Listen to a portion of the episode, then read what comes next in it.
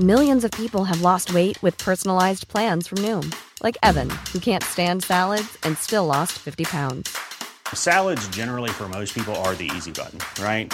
For me, that wasn't an option. I never really was a salad guy. That's just not who I am. But Noom worked for me. Get your personalized plan today at Noom.com. Real Noom user compensated to provide their story. In four weeks, the typical Noom user can expect to lose one to two pounds per week. Individual results may vary. Many of us have those stubborn pounds that seem impossible to lose, no matter how good we eat or how hard we work out. My solution is PlushCare. PlushCare is a leading telehealth provider with doctors who are there for you day and night to partner with you in your weight loss journey. They can prescribe FDA-approved weight loss medications like Wagovi and Zepbound for those who qualify. Plus, they accept most insurance plans. To get started, visit plushcare.com slash weight loss. That's plushcare.com slash weight loss. Hiring for your small business? If you're not looking for professionals on LinkedIn, you're looking in the wrong place. That's like looking for your car keys in a fish tank. LinkedIn helps you hire professionals you can't find anywhere else, even those who aren't actively searching for a new job but might be open to the perfect role. In a given month, over 70% of LinkedIn users don't even visit other leading job sites. So start looking in the right place. With LinkedIn, you can hire professionals like a professional. Post your free job on linkedin.com slash achieve today.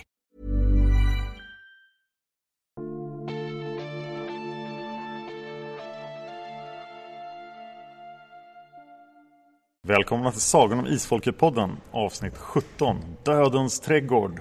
Jag heter Dan och med mig har jag Anna. Hej Anna! Hej Dan! Och med mig har jag också den mäktiga publiken på Gotcon!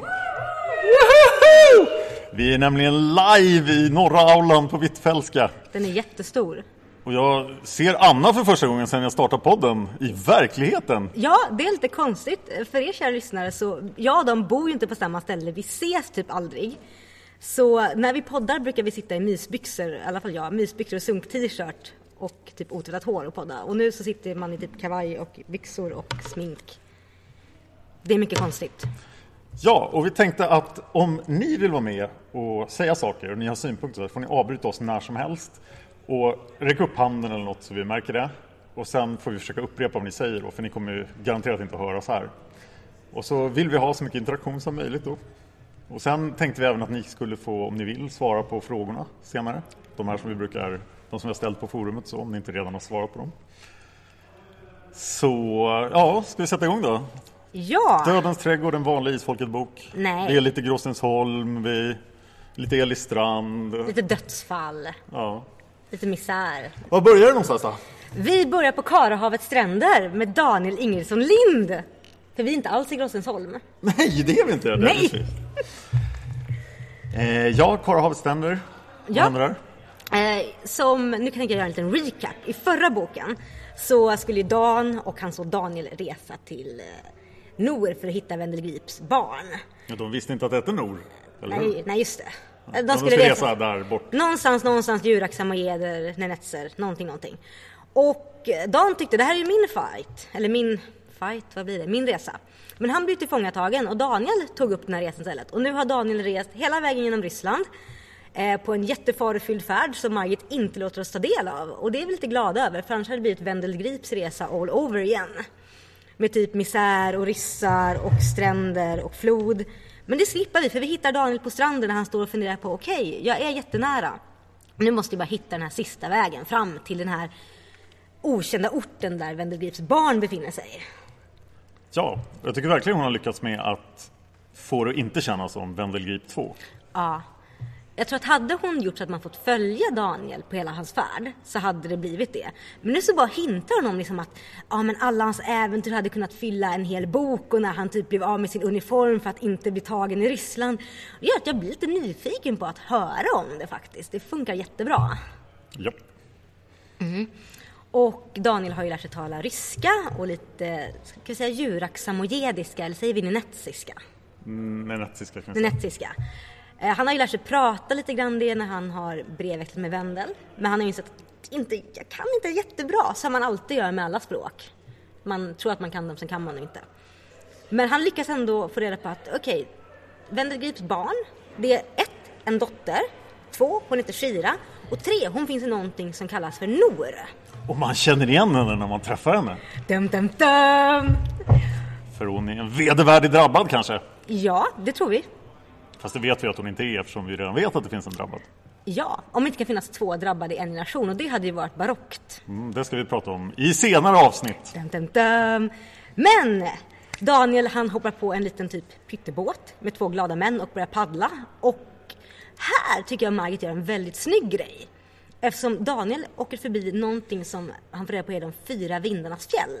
Som inte vi fick reda på någonting om i Vinden från öster. Nej, hur missar de det egentligen? För att Wendel var däckad. Just det. Och det är en väldigt snygg grej det här som Margit gör, att lyckas med att skriva in nya element i en, eller på en resa som redan är gjord. Ja. Så den blev jag väldigt så här imponerad av, jag hade glömt hur spännande det var. Men så kommer Daniel fram till Nor och möter, vem möter han? ja, han möter ju Iroar! Ja! Ja, som man känner igen. Ja, typ. Ja, han gissar sig till. Ja, typ någon gammal man. Men inte Ngutt. Nej, nu gutt. För han har flyttat till en annan by. Och vi får reda på att då Sinsiev som är Wendels fru har dött i barnsäng. Och det är ju en false tell verkligen. Eh, Mhm. Ja, hon, är, hon har fött en drabbad. Ja, och även Irovar är en riksar. Du kommer känna igen Shira när du ser henne. Man bara, men hon måste vara drabbad. Men Hon är två meter lång och har jättekonstiga axlar. Åh gud. Men hon är ju inte drabbad. Nej. Och väldigt fin introducering av henne vid elden där. Ja, Han kommer till elden där och allting är lite mystiskt och ser han henne på andra sidan. Och... ja men det är jättemysigt. Jag försöker tänka mig hur det var liksom att så här, först tänkte jag bara, men det här, så här går det inte till. Men jag tänker ofta liksom när man står typ på valborg eller påsk och så här stor brasa, man ofta ser liksom, för lågorna kommer ju och går. Så det är väldigt realistiskt och väldigt snyggt. Jättesnyggt. Mm. Påminner, måste jag inflika lite, Game of Thrones här igen när eh, Melisandre ser Jon Snow. Ja, du tänker så. Jag tänkte Mm. väldigt- på en väldigt annan. så tänkte jag. jag tänkte på när i Game of Thrones när de bränner barn. Jaha, nej. Det var inte det. Nej, det är för spoiligt, det får vi inte prata om. Oh, förlåt. Fortsätt. Eh, ja. Eh, Måste hålla isär mina podcasts. eh, ja. Men Shira är ju inte en drabbad, utan hon är vad då? Hon är en utvald! Ja. Hur ser man det? Ja, ha, vad har hon för ögonfärg? Blå? Eller? Ja, blågröna säger publiken. Publiken säger blågrön. Mm. Då tror vi på det. Så att det är väl kanske bara någon slags, slags intuition Daniel har. Att shit. Han kanske läste slutet på förra boken där det stod en utvald, en drabbad och en vanlig. ja, Och så kände han sig vanlig. ja, kanske det. Här tycker jag vi kommer till en ganska viktig poäng med Kira. Kira är uppfostrad av Irvar och var så väldigt god. Ja. Typ renhjärtad, vara ja, men, eh, bäst i världen typ. Ja, och jag tycker inte det hon framstår som det. Det framkommer inte riktigt. Vi får aldrig se henne uttrycka det i någon handling. Hon gör ingenting här i början där man känner att oj vad hon är god. Nej, nu när du säger det så. Hon framstår ju som väldigt övernaturlig, så här, lite es- eterisk och så här flyktig och så här lite ja, men, ojordisk. Men man ser henne aldrig göra någonting gott. Nej, hon framstår mer som speciell för att hon är utvald. Det är Ja. någon slags cirkelbevis. Det är så här, andarna tycker du är jättebra och förfäderna är här och allting är, allting är så speciellt för att du är så speciell. Men jag hade velat se det i handling, att hon hade gjort någonting som hade framstått som väldigt osjälviskt eller gott. Ja men precis, någonting som hade varit typ att hon hjälper barn, hon hjälper gamla, man får se henne liksom att Daniel kanske får se liksom att åh men titta han ser att hon har någon slags speciellt, något hjärteömmande sådär. Ja, vi får ju höra det lite senare att hon har gått med mat till gamla och sånt. Men något sånt skulle jag vilja haft här. Ja, för det vi får intrycket nu är att hon är väldigt speciell. Och det är någonting som inte riktigt stämmer med henne men på ett bra sätt, inte på ett dåliga, vi tror att hon är drabbad och kommer döda alla i världen sätt. Hon känns lite som den klassiske utvald i en fantasyroman. Att hon är... Ja, du, du är så väldigt utvald. Ja, jag vill ju bara lägga in en spoiler, mot, eller så här, en brasklapp mot det där för jag har läst sagan om Belgarion nu. Oj, ja, riktigt så utvald känns hon inte. Nej, jag vet. Och Belgarien beter sig inte som han är utvald. Nej. Det är mer varför just jag. Eh, ja, Vi kan rapportera att publikantalet just har ökat med 50 Nej, vi har en 17 i nedgång. yay! Och det här är ännu fler. Åh herregud. Ja. Eh, men nu kommer vi till det här som jag tycker är intressant i den här boken. Att nu börjar ju, Daniel har ju med sig alla sina fragment från den norska grenen, vad de har lyckats lista ut vad Tengil den onde eh, faktiskt är och har gjort. Som nu möter den tarangaiska grenen på vad de tror. Och här liksom lyckas de fläta ihop de här olika fragmenten. Ja. Och det började så lite med det i Vinden från Öster, men här blir det ju verkligen jätte, jättetydligt. ja. Hörs vi bra förresten? Bra. Ja, var var vi någonstans? för de håller på att fläta ihop de här, släck, de här fragmenten och båda, är ju, båda grenarna, liksom, både Ir och Vashira och så Daniel är ju redan sånt, ja, Tengil den onde, han sover. Eller är i dvala, men han är i alla fall inte död. Och de bara, men vi måste ju bege oss till Tarangai och ta reda på mer. Och här får vi då reda på den här misären som har hänt. Ja. Eh, De stackars tarangajerna har utsatts för ett rövarband. Jag skulle säga folkmord. Det är, Ja, ja. men de är ju bara 60 banditer som har kommit dit och förföljt dem. ja, Det lät väldigt lite tycker jag. Det lät väldigt lite och jag tänkte först bara, men det här borde ju de kunna slå tillbaka. Men sen om man tänker på att det här är ju... Tanga är ju den, nenet, eller den här s- ryska isfolksgrenen. De får nog förmodligen inte så många barn. Jag fick väl en uppfattning hur många de var i bok 15. Nej, men jag tänker på dem som kanske typ 20-30 De hade ju max. flera byar till och med. Ja fast om man tänker, jag tänker att en by är rätt liten. Kanske typ 10 pers i en by. Så en by med 10 personer, en till by med 10 personer. Ja, gör typ 20 pers. Och de får få barn för att det är liksom isfolksgren vi pratar om. Eh, de är dåligt rustade för att möta ett gäng då, ryska förbrytare. För jag tänker så att det här är som att det kommer ett gäng legosoldater till folk som inte riktigt har makt att försvara sig. Nej, jag skulle tro att de är någonstans mellan 100 och 200 tolkar jag det som. Men många är väl kvinnor och barn och, och det går dåligt i början. Men de här fem är ju ganska Ja. kraftfulla. Bergsväktarna menar du? Ja. ja. Men nu föregår jag handlingen. Ja. Nu går jag före handlingen. De beger sig till Shanghai och det är ju misär och de, har brän- de hittar liksom övergiven by och allting och då... Men in, innan det händer får vi väl reda på det här med andarna och... Nej, Nej, det an- kommer senare. andarna kommer Ja. sen. Tror jag. Men de får reda på bergsväktarna och det är ju Sarmik som Wendel träffade innan. Mm. Hans två söner. Eh, Milo som typ är jätte, jätteläskig. Men de, det de får reda på mer, eller först och främst är att den här eh, drabbade i Tarangai är med bergsväktarna. Och det är så här, oh! Ja. Det är Och han har jätteroligt. man ganska höga förväntningar på då. Ja, gud ja! Och han är ju, vi ska komma tillbaka till honom som person, men han, han skiljer sig från alla tidigare drabbade. Jag tycker inte han påminner om någon. Nej. Och det, ja, vi, vi kommer tillbaka till det. Men de är i Shanghai och de är ju där och de träffar ju på de här bergsväktarna. Och, ja vi kan ju ta det Ja, nu. det är ju massa att de springer omkring där i... De springer omkring och försöker Shanghai, undvika de här ryska, vi kan kalla dem ryska förbrytarna. De försöker Ja. liksom sprinta undan och hitta då resten av Tarangais folkspillra.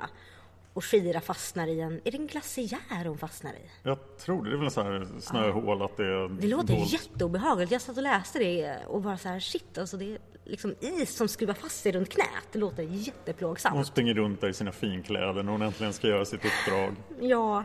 Och så fastnar hon. Och vad, vad vet hon egentligen vid det här laget om vad hon ska göra? Hon vet ingenting. Det... Nej. Hon är utvald till någonting och hon ska gå upp till Tarangajerna och få liksom, nästa Ja, och del hon börjar av väl planen. reagera jättekonstigt när hon är i Tarangai, eller hur? Har vi fått förfäderna på banan än? Nope, de är inte på banan än. Jag läste det här igår, Max. På tåget. Ja, de grät ju på tåget. Ja. Men inte förrän på sista sidorna, så jag kommer tillbaka till det. Det är ju bra det. Men... Inte bara för att tåget var försenat, för att det hade brunnit i Falköping. Nej men gud. Stackars Falköping! Ja, fortsätt. Ja, eh, var var vi någonstans? Just det, bergsväktarna. Men nu träffar vi på den drabbade i Tarangai. Mar. Och han är tokdrabbad och har någon slags Aura, köldegenskap. ja, Påminner typ. lite om Ulvedin där. Ju- ju- Fast mer så här okontrollerat. Ja, och jag får säga så här. Jag tänkte alltid att Mar var liksom att, ja men det är Ulfhedin och så Mar, de är typ same same. Men jag reviderar om det. Jag tycker... Ja, nej, nej. de har inte mycket gemensamt. Mar verkar mycket coolare. Ja, Han verkar väldigt cool. Han verkar väldigt eh, så här, tillbakalutad nästan. Jag Ja. är jätteond, så här, jag står här borta och är ond. Ja, och grejen är att jag tror med Ulf Hedin fick vi reda på mycket av hans backstory som att åh barn och allting var jobbigt och sådär. Men Marin är mer bara så här, han är instant cool. Typ rullat jättebra på sitt, vad har du i karisma? 40 000. Man bara fan Ulf Hedin bara, äh, jag har en halv fot. Men han verkar ju inte gå omkring och mörda folk hur som helst utan han, de vet vad han är, han har inte haft den här jobbiga uppväxten. De bara, "Ja, nu har vi en till sån där. Bara, Han får väl vara här. Och Alltså, de verkar mer laid back med drabbade än vad den norska grenen verkar vara. På Jag ett skulle sätt. vilja veta vad som hände med skräcken. Han hade Vem? gott kunnat klara sig. Den gamla drabbade i Tarangar, han hade kunnat klara sig i 20 år till. Han, skulle- mådde ju tillräckligt bra för att krypa i bok 15. Men gud vad äckligt. Alltså han var ju bara, nej usch fy. Jag hoppas fortfarande han lever. Jag hoppas inte det, jag hoppas han är död och begraven. Ja, det är förmodligen korrekt. Förmodligen korrekt ja. Men här, nu när de typ är på bergsfickorna, då, kom, då, då kommer ju andarna in. Ja, För nu berättar Ire den här historien om vad det är Shira är utvald till. Och det är ju att... ja det är ju så att vad Tengil den onde gjorde var att han tog sig igenom det här berget vid Fyra vindarnas fjäll. Där finns godheten och ondskans källor. Och bara den som är riktigt ond eller riktigt god kan ta sig fram. Mm. Och jag är ju väldigt, väldigt nyfiken på vad som hände Tengil den onde under den färden. Ja, Det ska vi också återkomma till. Hur går det till att nå ond? Och en annan sak jag undrar över, det är, de här, det är sju gudar och de är nästan bortglömda. Ja. För Tarangayen har börjat dyrka andarna som var deras budbärare. och andarna är eld, jord, vatten, vind. Och Shama, Ja. som eh. är den plötsliga dödens, oväntade dödens gud. Och en, Anden. en grundtes i Margits böcker är ju att gudar blir starka av att folk tror på dem. Och det verkar inte riktigt ha att göra med hur många som tror på dem. Nej. Det verkar nästan vara att bara någon tror på dem. Men de här sju gudarna kan alltså skapa de fyra vindarnas fjäll. Som är så mäktigt att någon kan bli det här enorma hotet mot världen som Tengil Nonde är. Så att någonting är väldigt speciellt med den här religionen som kan påverka hela världen på det här sättet. Att de borde ju lagt in någon slags nödstopp där. Kanske typ inte typ, vi skapar en källa som gör att den här människan kan ta över allt. Self-destruct-knappen på hela fjället. Ja men lite så här ab- abort mission, det här gick åt helvete, det här var ingen bra grej. Men nu är ju det här en så viktig bit av att föra plotten vidare, men jag är ändå intresserad av hur den här lilla religionen kan skapa någonting som är så fantastiskt mäktigt som källorna. Jag kan tänka mig att det har att göra med att eh, den här religionen kommer ju från, alltså den, den verkar ju vara väldigt gammal, det är det första. Ja. Och den verkar ju vara innan kristendomen definitivt. Eller innan kristendomen fick, fick fäste i Ryssland. Ja, vi kan komma tillbaka till det senare, för det kommer ju mer information i senare böcker, men Mm. Ja. jag tycker ändå inte det håller ihop riktigt. Kanske inte. Men vi har spårat bort det igen. Eh, Ja, det har vi gjort. Men det- det är Kina vår är grej. ju alltså utvald då som en motpol till Tengilonde att hitta godhetens vatten. Ja. Och de här andarna kom till Irovar på när hon föddes och var så här, "Eh, den, din barnbarn här, eh, Tag, hon ska hitta godhetens källa och ska rädda mänskligheten. Eh, så du får inte säga någonting till henne, hon får ingen information, eh, men uppfostra henne som blir den bästa, godaste människan i världen. Och hon måste ju ha förutsättningar till det, annars hade de ju kunnat ta vem som helst i, av isfolket mycket tidigare. Ja, Men, men de det- kanske inte kan nå utanför Tarangai, så det Nej. måste vara någon som föds i Tarangai men har blod från resten av isfolket. Ja, jag tänker på, det fanns en sak som Tunsi sa att till Wendel, att ditt barn får det bästa av båda grenarna. Hon får vara så här, vår trollkunnighet, er läkekonst och ert rena sinnelag och sånt där. Ja, Och det det- har ju inte hänt tidigare. Så att... Nej, för att jag förstår inte vad trollkunnighet ska in, för mig vetligen verkar inte Shira vara liksom en shaman eller någonting, men det finns säkert någon bra tanke bakom detta. Ja. Annars tycker jag typ Mattias kunde varit en bra kandidat till världens mest goda människa. Just det, men han hade inte Tarangai-blodet så därför funkar inte det kanske. Nej, Annars känns ju han mer konkret god. Ja, definitivt. Jag tror att hade man... Ja, hade Mattias rest till Tarangai så hade han nog varit en väldigt bra kandidat. Eh, sen är förfäderna här och de vet det här. De, de vill att Kira ska gå in, hon ska klara alla proven, hon ska hitta det rena vattnet. Sen ska hon ta det rena vattnet och försänka Tengel i dvala, för, eller döda honom. Vad är planen egentligen? Jag vet inte vad planen är. Jag har glömt det. Vi ska, vi ska hälla det goda vattnet på det onda vattnet. Eller? Jag vet inte. För det här är ju det här som misslyckas på slutet. Ja, just det ja. Kommer någon ihåg exakt vad planen är? Ja, Förstöra krukan med ondskans vatten. så det goda vattnet kan förstöra det onda vattnet. Mm. Och förfäderna är som sagt helt bakom det här. Men här är det kul för här börjar ju förfäderna verkligen interagera med, eller så här, inte interagera men vara en del i berättelsen. Och vem är förfadern som, det här är ju spoiler i och för sig så det kan vi inte ta upp här. Mm. Nej, det Men kan vi- vem är den här gamle som är väldigt vanställd? Ja precis, för vi, vi har ju liksom, vi har koll på Tengel, Sol, Willem och Domnik, Niklas. Niklas har en replik och han är inte gnällig, wow. Shit. Det är bara så här, wow Niklas, nu efter döden börjar du bli en anständig människa. Så jävla bra. Men så har vi liksom också en man som är hiskeligt ful från typ jättelänge tillbaka och en kvinna som är så här från typ forntid. Och det är lite coolt för det- märk att nu börjar Margit väva in de här trådarna som är så här, nu, nu, nu, nu, nu listar vi in sagan ordentligt.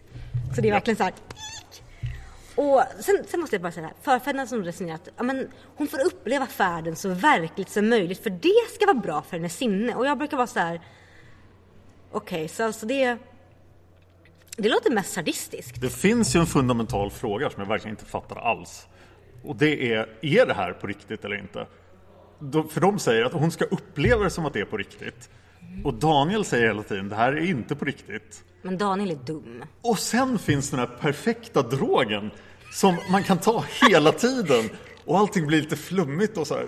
Och den har inga biverkningar! Nej, och alla har hur mycket som helst av den. Ja! Jag vill tugga den. Du får inte tugga den. Jag vill tugga den. Du får inte tugga den. Det här är ett drogfritt event. Du verkar inte... Okej, jag får vänta till nästa avsnitt. Så om någon har lite av det här så skicka det till... Ja, ha- kära lyssnare. Den magiska roten från Tarangai. Har ni den så skicka den till Dan. Fast får jag ett brev med någonting konstigt i så kommer jag förmodligen inte tugga på den då. Det är en utmaning. Då måste du tugga den. Oj, Var var vi någonstans? nu spårar du fullständigt. Eh, Ja. Eh, just Vi ska upp och vi ska hit- hitta dem i den här lilla utflyktsbyn där uppe Ja, de har i- hittat högst upp dem på och vi har fjället. fått reda på om andarna. Men nu kommer alla rövarna! Ja, precis. Och de måste ju liksom... De måste ju stoppa det här att rövarna ska förinta hela Tarangais befolkning. Ja, och de har hittat en jättestor sten som man kan slänga ner på... Men bara om man är två. Ja, För det måste ta sig från båda sidorna. för det är inte förberett, eller är det förberett? Det är lite rekat, men inte så mycket.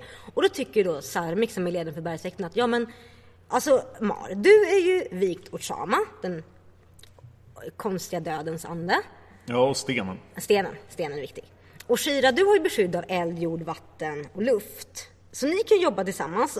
Fast de säger inte, fast alltså Sharma, Sharma vill ju ha ihjäl Shira och Mar vill ha ihjäl Shira. Så ingen av det här funkar med alla bara, men kör tillsammans, det blir säkert asbra.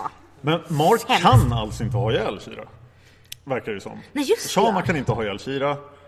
Och han har, han har försökt några gånger och dykt upp när hon har varit nära att dö. Just det. Och han vet om henne. Och Mar har ju hundra möjligheter att döda Kira i den här boken. Men Ja. han gör aldrig det. Så att han verkar ju också vara hindrad att göra det. Ja, alltså de fyra andarnas beskydd är rätt starkt. Jag tycker hela den där klättringen är jättekonstig. För Alltså- att, så här, kan de ramla eller kan de inte ramla? Jag tror inte att de kan ramla. Eh, Och de klättrar ju som eh, bergsjätter på steroider. ja, herregud. Men det blir lite coolt för att de... Det är så här lite konstigt. Om det här var ett rollspel, det här var det sidequest. De bara, vi har huvudquestet här ute i de fyra vindarnas fjäll. Sidequest, eh, rädda Tarangis befolkning. Vilket de lyckas med. Mm. Och det blir jättebra. Men sen så in på mainquest igen. Fortsätter mot de fyra vindarnas fjäll. Ja, och helt överraskande så vill Mar döda rövarna istället för att bara stänga vägen. Jag är faktiskt med på Mars linje här. Ja, det låter ju faktiskt som den rationella lösningen. Ja, har vi en grupp med rövare som har försökt att utplåna ett helt folk. Och de bara tänker, om vi stänger till vägen så kanske de ger sig. Nej, Men Kira är förstås alldeles för god för att tycka att det är okej. ja. Och Så- då tycker Mar, haha, jag skiter i vad du säger. Nu kastar jag ner dig också. Och sen tänker han inte på att han själv ramlar ner. Nej. Men då får vi träffa Shama. Ja. På riktigt. Shama time stop. Jag är... Alltså Shira som bara, jag är inte rädd för dig. Jag bara, han är brutalt läskig. Jag vet inte hur det står till med så här, er och med dig Dan, men en person som inte är läskig, eller som inte är så här "Ah, jätteläskig, utan mer så här att hej, jag har ögonen på dig jättelänge. Jag kommer att ta dig till min trädgård någon gång, vilket innebär att jag kommer att ha ihjäl dig. Det hade varit så här, jag bara okej, jag ska bara gå och typ kolla vart min bil är parkerad och sen springer jag. Han är brutalt läskig på det här för att han inte är liksom skrämmande på det liksom obvious sättet. Om man googlar på Dödens trädgård och tittar på bilderna, då är det en massa folk som har eh, gjort bilder av Shama. Nej, på riktigt! Jo! Och Jag tänkte först när jag såg dem att så här kan ju inte se ut, för han ser ut som en skallig jättebebis. Mm. Men han beskrivs ju som en skallig. Ja, han beskrivs ju som en skallig jättebebis. Så att, eller inte jättebebis, men, Men han är skallig och- väldigt konstig. Ja, och konstigt rull. Ja, Och jag har aldrig tänkt på honom så, men nu förstod jag att det är bara min mentala bild av honom som var fel. För han, Ja. han beskrevs faktiskt så. som man inte tänker på för att. Men eh, de pratar ju vidare där och, och Shira får någon slags så här att ja men ditt uppdrag är ju det här fast jag kommer ju försöka stoppa dig ifall det är så. Vi kanske möts igen. Oh. Shama framstår ju, speciellt senare, som en väldigt tragisk person. Ja. Jag tycker Att synd jag om- var den här läskiga dödsguden, jag satte igång det här. Men, Dödsanden. Dödsanden, men nu är jag lite ensam. Ja, Den enda som lyssnar på min mar och han är, han är lite tråkig. tänk dig deras tekvällar. Ja. Så här, nu ska jag ge dig uppdrag, bara, jaha. Döda Nej. de där, Ja, okej. Så vill du hänga? Nej, tycker inte om folk. Hatar alla med min pilbåge. Ja. Inte så jättebra. Eh, men! Nu ska vi se här. Kan vi åka till fjället? Ja, vi kan åka till fjället. Ja. Och Milo som är en sliskig, eh, jätteäcklig, han får inte åka med. Nej, just det. Mm. Och just det! Daniel får inte heller åka med. Nej, det var en konstig passage som jag inte kommer ihåg alls. Jag eh, förstår dem. För vad är det som händer med Daniel? Han håller på att förneka allting. Alltså. Ja, och jag tycker det är... Jag hade också glömt bort den här passagen när jag, tills jag läste om. Jag tycker det är så konstigt för vi har en person som går runt med en stor aler runt halsen som sysslar med att strypa folk om de försöker göra honom illa och plötsligt så här allt det här med andar och gudar och godens vatten det är jätteorealistiskt. Jag förnekar allting. Vi måste ha realism i det här. Man bara, du, du, du har en alruna runt halsen som stryper folk. Hur, Ja, hur, och du är av isfolket, du vet att det här... din mor är en det finns häxa. sånt här. Liksom. Så att just att Daniel säger det här hela tiden får mig att tvivla på att det är verkligt. Men det måste ju vara verkligt för att vad skulle det annars ha för mening? på Ja, något sätt? jag blir mest irriterad på att Daniel är så dum för han om någon har alla förutsättningar för att faktiskt ha en liksom, jätteförståelse för det övernaturliga. Jag menar, hans mamma är häxa, han känner Ulvhedin, han har en alrön runt halsen som sagt. Eh, och det finns liksom ingen orsak att han plötsligt ska bli världens mest pragmatiska människa. En annan- Förutom typ att han har tuggat för mycket rot. När han tuggar den här roten så blir han realist. Han blir tråkig, det är vad han blir. Och det är sättet att komma kom över din tro på magi med att tugga rot. Alla andra bara magi, alltså high five. Han bara, finns ingenting Man som heter tuggar magi." roten och Ulvedien ser helt normal ut. Man bara, ja, är det så det ser ut? Eh, Jag funderar också på Alrunan. Ja, Vad sjutton håller Alrunan på med den här boken? Den har ju tyckt att det var jätteviktigt. Den har valt Daniel. Den har lett honom hit. Den är, liksom- den är jätteglad att vara här, men Alrunan gör ju nästan ingenting i hela boken. Och det tänkte jag på, nu hoppar jag framåt, men när Mar står och han måste stå där med facklan. Och tänkte jag, men använd Alrunan, tvinga honom. Men det händer ju liksom aldrig. Alrunan gör ingenting i hela boken. jag har inte tänkt på det här. Alrunan är bara där, "Nej, det här går som planerat. Varför gör inte Alra någonting? Det är jättemärkligt. Ja. Och varför var Alrunan så viktig? Ja. Ja, det gör den. Ja, ju- isbjörnen, ja. Just det. Så att den räddar Daniel från isbjörnen och den varnar för rövarna. Så att det verkar som att Alrunan är mer intresserad av att Daniel ska klara sig än av att det här uppdraget ska bli av. ja. Men det kanske är så, i och med att det är dedikerat till Daniel så är det ju ändå rätt lo- Om vi tänker på den kopplingen, Daniel plus Alrunan, Ja. så blir det ju rätt logiskt. Ja, fast den är ändå inte intresserad av att Kira ska lyckas med uppdraget. Nej, för vad ska den hjälpa henne egentligen? Nej, i och för sig, hon kanske måste klara det på eget bevåg, men Det är ju hennes egenskaper ja, som spelar roll. Salrunan tycker att nu är jobbet gjort. För nu är Daniel här och han är jätteviktig Precis. för att Kira ska klara Ja, det. föra samman Norge och Nenetserna. Just. Det var liksom Alrunans grej. Kunskapen. Men! Då är de ute på de fyra vinnarnas hjälp, för Daniel får ju följa med ändå. Ja, och nu börjar questen. Yay! Nå- Okej. Någonting som känns väldigt mycket som ett Mm. rollspelsäventyr. Eh, Jag hade glömt bort hur jobbig den här färden var för Shira. Ja. Det är ju en introvert vandring vi snackar om. Genom ett fjäll, genom jobbigheter och fanskap. Och sen att man är, man blir dömd baserat på hur man har levt sitt liv tidigare. Så man kan inte man kan inte förbättra sig själv nu utan man måste ha varit perfekt hela vägen. Precis, och hon har inte fått veta om varför hon ska göra det här. Hon kan ha gjort liksom massa grejer som hon kanske, om hon vetat om det från början kanske hon inte hade gjort de grejerna. Jag skulle vilja ha sett Irvars uppfostran lite mer. Hur gick det här till? Du måste vara godast i världen. Varför då? Bara var det. Jag vill ha den här leksaken. Nej, du måste ge bort alla dina leksaker. Du är liksom... Ja. Fast det verkar ju inte som Shira att någon av de här tendenserna till girighet eller egensinne någonting för hon verkar ju bara... Hon- Jag tycker nästan hon blir lite mesig. Hon blir karaktärslös på något sätt. Ja, för det är så här... Just för att vi inte får se någonting av, eller får några så här flashbacks utan att ha haft det. Vi får inte se hur hon reagerar på svårigheter riktigt förrän nu. Och jag tänker så här, det jag tänkte var liksom att man har ju de här basgrejerna, särskilt som barn och som tonåring. Så här att, ja, men, du vill ha de här grejerna, du önskar dig de här sakerna, du har, den här, liksom, du har vissa liksom, basbehov. Mm, som är så här, typ, jag vill ha mer mat och det här och det här. Men att hon inte skulle ha haft dem eller bara så här att Ivar skulle lärt henne att du får inte liksom, du kanske vill ha den här grejen du önskar dig fast det inte riktigt hon verkar, hon verkar kommit så, det verkar ha gått så lätt för henne. Men det kanske är hennes dubbla isfårsblod. Vänta. Tog inte andarna bort lite av det här med, med drifter i... Ja, de tog bort hennes könsdrift i princip.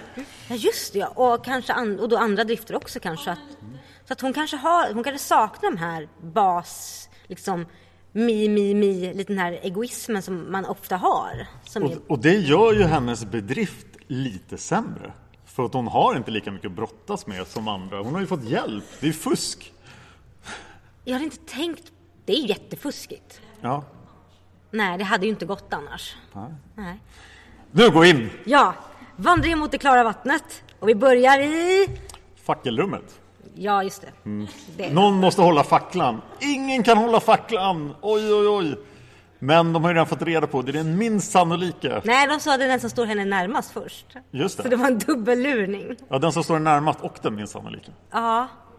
Så det blir ju hennes motpol och det blir ju Mar. Ja, så de måste ta in Marian, för han är ute på berget och tjurar. Mm.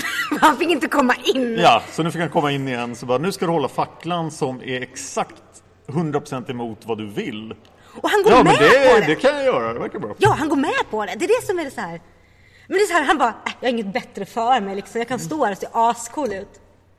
Det känns... Jättelänge. Det är ju en extrem prestation av honom. Ja. Och jag förstår inte hans motivation överhuvudtaget. Varför? Jag tror mer det är för att han inte har något bättre för sig. För det är samma sak, varför åker han med till de fyra vinnarnas fjäll? Han tänker göra det för att han vill. Nu är vi på ett rollspelskonvent, så det känns lite som att det här är scenariot och att Mars spelare tycker ah, jag måste väl följa scenariot och det händer ju ingenting annat. Jag kom kan på inte vad bli Mar är egentligen. Ja, berätta. Han är en katt. Han är en katt! Ja, för katter gör bara saker som de själv vill. Och de behöver inte ha någon förklaring till det. Okej, ja. Mm. Men du vet, men varför gör du det här katten? Äh, för jag känner för det. Ja, jag har en fråga. Men å andra sidan, Shama vet ju vad som kommer hända när han styr Mar. Så han kanske vill att Shira ska komma en bit in. Det är helt sant. Det vi fick fram är att Shama vet ju vad som kommer hända och han styr Mar så han vill ju att Mar ska följa med för att han vet vad Shira kommer möta längre in. Så anledning till oro? Att Mar vill samarbeta? Ja, men det reflekterar ju ingen över. Nej, De gör bara, inte vi det. kan inte stoppa honom så han får följa med. Wow. nu öppnar vi väggen. Ja, För där finns det coola! fast först går vi till väggen till med namnlistan. Ja men det är den som är det coola. Ja, du menar det. För det här tycker jag, jag vill se den onda listan. Hur många försöker gå in på den onda sidan? Jag tror att det är dubbelt så många som har gått in på den onda sidan. För det här var ju typ 15 namn. Ja. Och två som har klarat det. Wow! Det är så deprimerande att komma in. Jag kan bara tänka man bara, jag ska klara det här. ah, 15 stycken, två har klarat det. Yay mig, peppen. Att två faktiskt har klarat det. Och det här fick mig ju att googla Teshin Khan förstås. Såklart du gjorde. Och han fanns ju inte i verkligheten. Och den andra killens namn kunde jag inte riktigt stava till. Lyckas jag Nej, inte ja, googla. men vi tar det sen. ja. Men eh, att, att två stycken har klarat det här och vad de gjorde med det, det verkar ju jätteintressant. Ja, men ändå lite, lite antipepp att få det i ansiktet när man börjar den här resan. Tycker jag. På något sätt. Ja, jag tycker ändå oddsen verkar rätt bra här. Jag tänkte 2 av 15. Jag hade snarare föreställt mig en av 1000. Ja, men tänk att vara den första som kom in. Det kanske var typ fem namn och ingen som lyste. Det ska vi återkomma till. Ja. Eh, Men nu går vi in i det coola rummet. Ja. Högmodets och fåfängans sal. Ja, där vi båda hade dött. Vi, eh, vi pratade lite grann om det här igår kväll nämligen och var så här, men vart är vi klarat? Och så hade vi bara men kommit in i det här rummet som bara, åh titta en spegel! Fan vad nice! Ja men det hade ju inte gått bra alls. För det här rummet går ut på hur mycket högmod man har och hur fåfäng man är. Och just högmod var lite grann så här, men det är hur höga tankar man har, så att man tror man är lite bättre än alla andra eller bara så här, men jag är bra nog för detta. Eh, Jag hade ju fallit för första början. Ja, men. Fåfäng, jag hade fallit från första början. Ja. Eh, Så där hade vår resa slutat. Och Är det här rösten kommer första gången? Rösten kommer in första gången. Ja. Och Är är det här de väldigt... säger den där fina kvinnokommentaren? Ja! Patriarkala skitröst! Det är patriarkatet som talar. Kvinnor borde aldrig försöka sig på den här. Jag bara, men du kan ju bara ta... Varför du liksom sitter där uppe och är allmänt cool? Askränkt. Men jag gillar ändå att Shira har en sån kommentar i sitt huvud. Det bara, ah, okej, bra problem. Så får jag göra. Ja men precis, Ja. Shira är här. Nej, men Den här! Här börjar det bli intressant. Ja, precis. Nu här där- börjar Kira bli intressant. Ja, och få lite karaktär och visa eget. För annars har det mest varit som en slags... Vi fokuserar på Daniel och de andra förut. Hon har mest varit i bakgrunden som så här att jag är eteriskt, eteriskt och cool. Här är det, nu är det bara Shira. Det handlar bara om henne. Det tog ett tag innan. Ja, för, för att hitta gamla fantasy-schabloner så har hon ju känts fram till det här ögonblicket som en Jesusfigur. Att jag ska lida för den goda saken och jag är bara jättebra på allting. Mm. Och, men här får hon karaktär. Ja, och, bli, och liksom visa sin personlighet. Hon blir lite så här, hon har... Hon är smart, hon är kaxig, och hon är, har bra integritet och massa bra tankar. Och det här är faktiskt ett av de svåraste proven hon gör. Ja, alltså att börja med det här, det är jättejobbigt. Och just att det är under hela din livstid. Ja. Vi pratade med, vi pratade med min kombo, igår, eller min, nej, inte min kombo, min man om det igår. Och han bara, men gäller det bara nu? Jag bara, nej hela livet. Han bara, okej. Från alltså tonåren fram tills jag var 30 så det är kört. Jag bara, ja. Det är typ så det är. Men hon klarar ju det. Det går ju bra. Alltså det jag höll på att gå riktigt illa. Riktigt illa. Men hon klarar det mm, med lite marginal. Och så kommer vi till test nummer två. Andlig motståndskraft eller vad blir du frestad av? Ja, Dan, vad blir du frestad av? eh, många saker så jag hade gått åt omedelbart här. Ja, jag hade gått åt omedelbart. Det är Oh, så. shiny! Men typ så. Jag hade bara, åt det godis! Nej, fan också, fan! Inte så bra. Och titta rot som man kan tugga. Nej, titta en kattunge, den är så, nej, fan inte en kattunge. Åh, gud vad dåligt. Det var mar. Ja, det... Nej, jag borde ha sagt att Mar var en katt. Men det går bättre för Kira, för hon eh, behöver bara stå emot. Kärleken, Och det kunde hon ju. ja. Löftet om att kunna bli kär. Ja. Mm. Och det klarar hon med glans. Det var ett snabbt rum.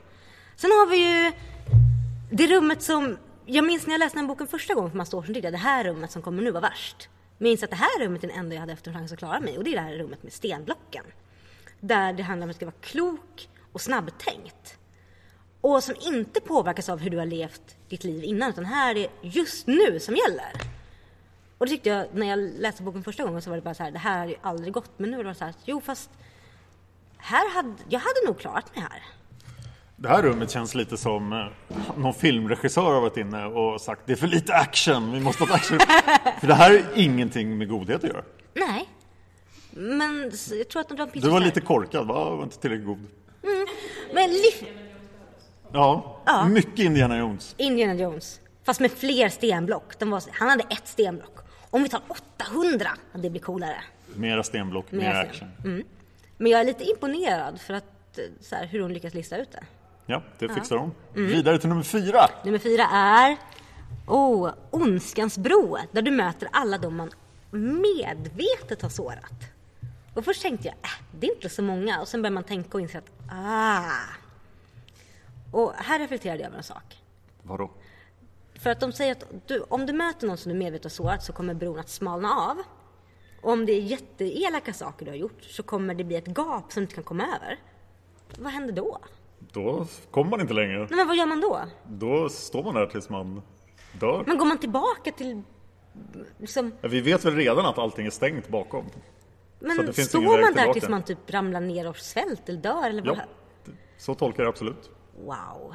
Så det är bäst att inte ha sårat någon för mycket. Men det är så jätte... I de andra rummen är i alla fall ond bråd död direkt. Här är det så här, jaha, så jag kommer inte fram, jag kommer inte bak. Så... Det är jättehemskt. Ja. Det hör inte hemma i godhetens testet tycker jag. Testet i sig självt är inte gott. Det kan man inte anklaga det för. Ja, kanske inte det. Men Shira klarar ju det här. Ja. Med glans. Hon har sårat en människa under hela sitt liv. Och hon är 26. 20. Ja. 26 tror jag Mm. nu. Ja. En människa under hela sitt liv har hon medvetet sårat. Och det var alldeles nyss. Och det var inte så allvarligt. Så att Mm. Nej. vidare till nummer fem. Ja. Eh, brottslighetens rum. Allt man har gjort av brott samt lögner och skvaller. Jag vill ha en handuppräckning här. Oj. Hur många, ja för det här tycker för att jag tänkte så här brott, jag hade klart mig, men just lögner och skvaller och då tänkte jag vi fokuserar på skvaller. Hur många här inne har skvallrat om någonting någon gång i sitt liv? Upp med en hand. Eh, Dan? Va? Nej, oj, oj. Ja, och det var ju då en överväldigande majoritet. Alla här inne räckte upp handen. För att vad räknas som skvaller och vad räknas, inte, vad räknas som skvaller räknas som att vara vida saker och de verkar vara rätt hårda så att det här hade ju varit kört. Shira har alltså under hela sin livstid aldrig någonsin skvallrat om någon. Inte fört vidare något falskt rykte, inte fört vidare något rykte. Vad har hon gjort i sitt liv? Ja, Hon bor ju i en liten by. Ja, ingen, ingen veckopress. Nej, ingen Facebook eller Twitter. Nej, det var nog tur. Ja, hon kanske inte hade så mycket vänner heller. Nej, man skulle ju vilja se lite hennes jämnårigas relation till henne. Ja.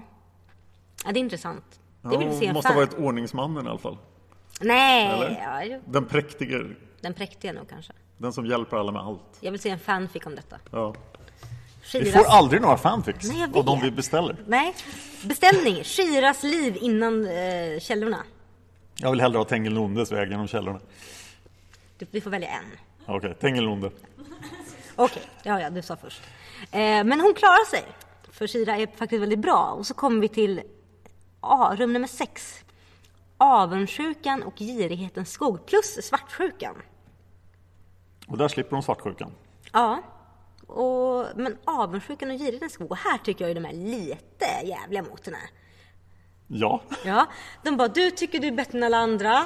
Eller du, du har typ trott att du har haft liksom lite andra förmågor. Och hon bara, hon bara okej, förlåt. Therese. Sen bara, önskar inte du att du var som alla andra? Man bara, hon bara, men vad... Det är så väldigt mycket dubbelbestraffning. Det är så här jantelagen. Tro inte att du är någonting. Fast tro inte att du är bättre än någon annan. Man bara, men hur tänker ni här? men är inte det här ett sätt att bryta ner henne? För att hon måste vara nedbruten på slutet. Så att situationen kanske är omöjlig, för hon kommer ju ändå vidare. Ja, Men att det här ska psyka henne så hårt så att hon blir det här vraket som hon blir på slutet. Ja men det är ju riktigt, riktigt brutalt. Ja, Ja. definitivt. Men, här, men hon klarar sig med en hårsmån. Det här, hår- det här, det här håller med som på att dö, men hon klarar sig. Det ska inte vara lätt. Nej, och sen kommer vi till, nu ska vi se här. Rum nummer sju, Hatets hav. Och här går avsky, hat, ve, vämjelse och aversioner in. Oj då. Alltså jag är ju körd i rum ett så att Det är bara att simma. Eh, ja, så alltså om man känt hat mot någon, om man känt avsky mot någon, lite aversion. Aversion är ju inte så här hat, det är bara typ, nej kanske inte just, nej. Då är man körd.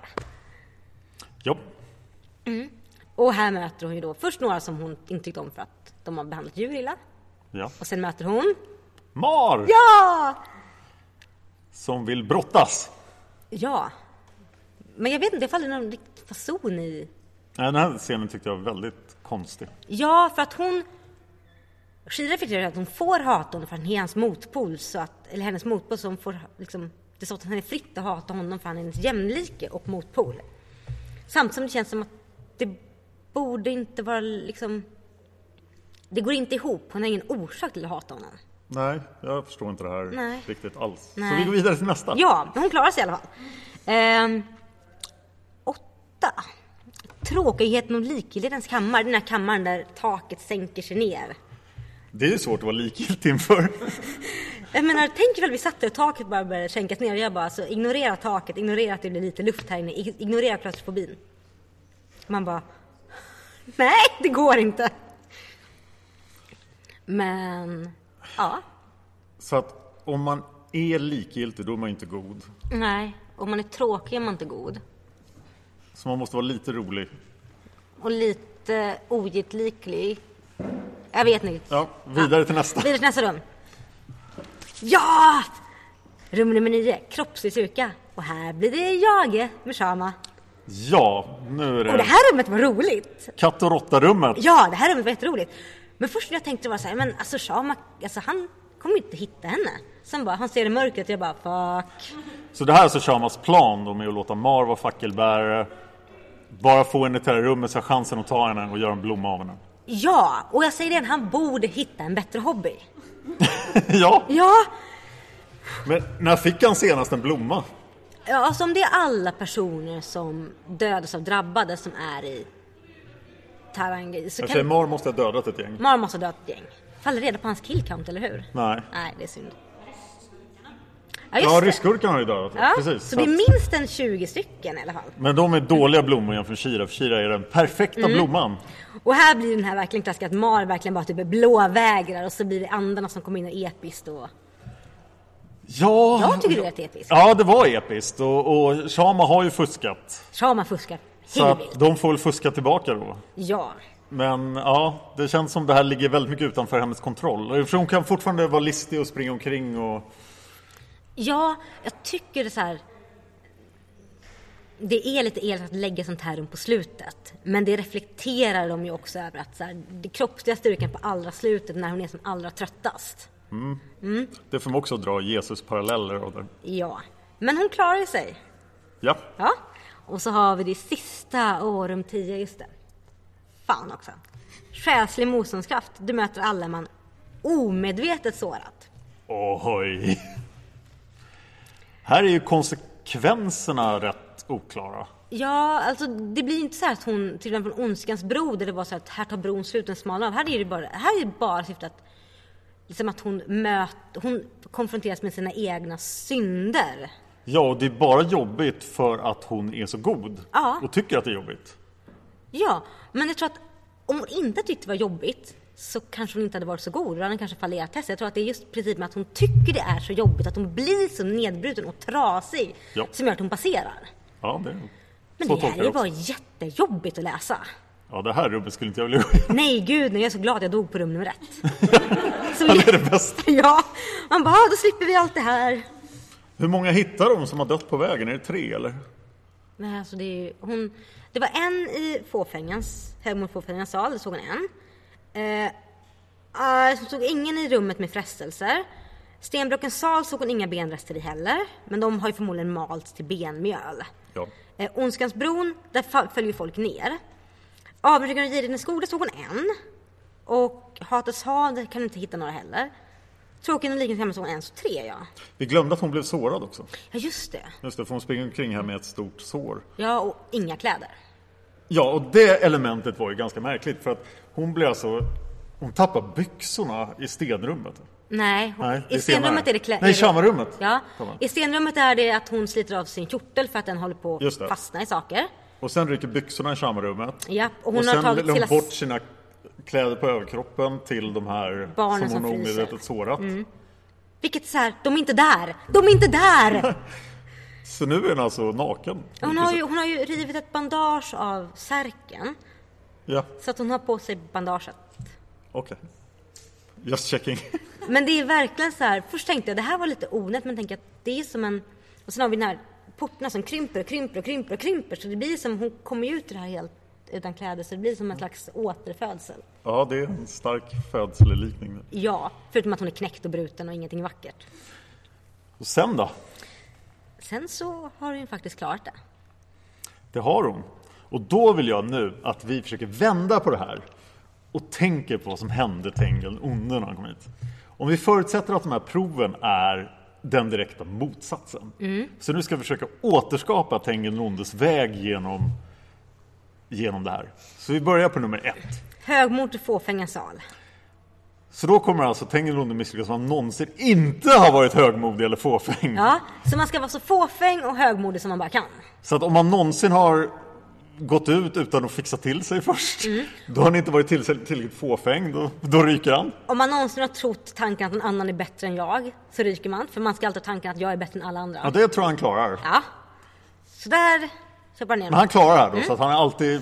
Och, och sen, eh, på hans utseende så låter det inte som han kan vara särskilt fåfäng.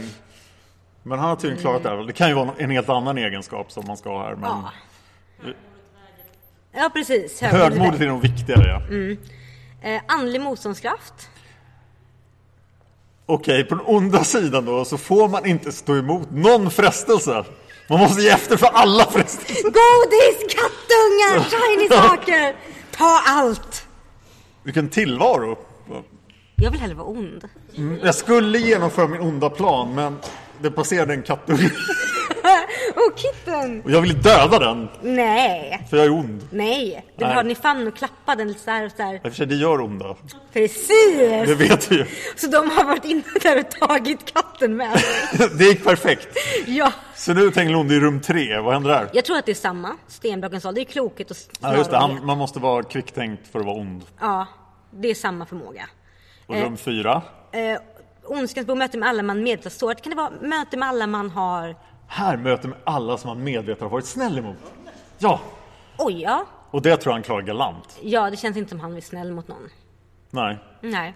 så bra jobbat. Mm. tänker jag. Brottslighetens rum, lögner och skvaller. Vad blir motsatsen där? Det måste ju vara att de ser över ens brottsregister och kollar om det, det är tillräckligt bra. Ja. Har du begått tillräckligt mycket brott det här året? Ja eller nej? Har du talat sanning om någon? Ja, det har du gjort. Ja, det är ett litet... Det, det blir inte så bra. Har du... Ja, har du begått något... Om man, om man har varit...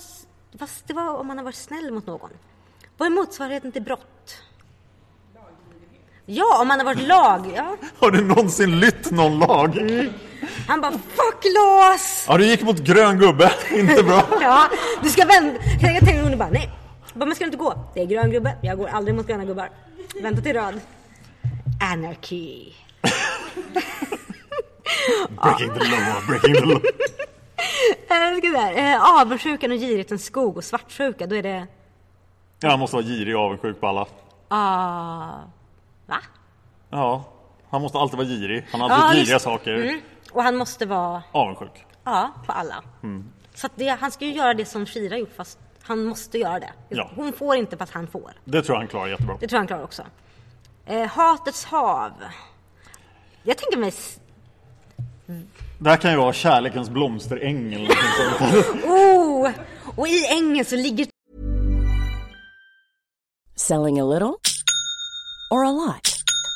Shopify helps you do your thing however you cha-ching. Shopify is the global commerce platform that helps you sell at every stage of your business. From the launch your online shop stage to the first real life store stage, all the way to the did we just hit a million orders stage. Shopify is there to help you grow. Shopify helps you turn browsers into buyers with the internet's best converting checkout. 36% better on average compared to other leading commerce platforms because businesses that grow grow with Shopify. Get a $1 per month trial period at shopify.com/work. slash work. shopify.com/work. slash work. Hold up. What was that? Boring. No flavor. That was as bad as those leftovers you ate all week. Kiki Palmer here, and it's time to say hello to something fresh and guilt-free. Hello Fresh. Jazz up dinner with pecan-crusted chicken or garlic butter shrimp scampi. Now that's music to my mouth. Hello Fresh. Let's get this dinner party started. Discover all the delicious possibilities at hellofresh.com. Millions of people have lost weight with personalized plans from Noom, like Evan, who can't stand salads and still lost 50 pounds. Salads, generally, for most people, are the easy button, right? For me, that wasn't an option. I never really was a salad guy. That's just not who I am. But Noom worked for me. Get your personalized plan today at Noom.com. Real Noom user compensated to provide their story. In four weeks, the typical Noom user can expect to lose one to two pounds per week. Individual results may vary. typ folk som typ drar ner honom och vill krama honom när han går förbi. Ja, han bara, nej, nej, kramar mig inte. Ja men du var snäll mot mig en gång, kramas. Han bara nej. Det var jag inte alls. Hatar dig, sparkar Jag dig. hatar er allihop. Ja gud, gud vad obehagligt. Kan aldrig gå på en blomsteräng mer. Eh, Han klarar tråkigt. sig bra Tengil. Ja, Vi går vidare. tråkigheten och likgiltighetens kammare. Är det om han är rolig och engagerad? Ja, det blir svårt för att han får inte vara engagerad eller rolig. Nej, så att det är om han, alltså det är om han har varit rolig, om han har varit en kul person att vara runt om. Ja, om han har skämtat. Men tänk om han har skämtat för att håna någon Ja, fast mer om han typ och så tycker skämt- folk han är rolig. Men om man har skämtat för att vara, du vet, person of the party, om man har skämtat för att få andras bekräftelse. Ja, utan att håna någon. Ja! Att han skämtar för att söka bekräftelse, inte för att typ ha ha ha, du, vet, utan så här typ, men skämta, skratta åt mig. Ja. Men han klarar ju uppenbarligen det här också. Så. Ja. Nästa rum. Eh, kroppslig styrka. Ja, det kanske man måste ha för att vara ond också. Ja, men möter han Shama då? Han möter de fyra andarna som vill krama honom.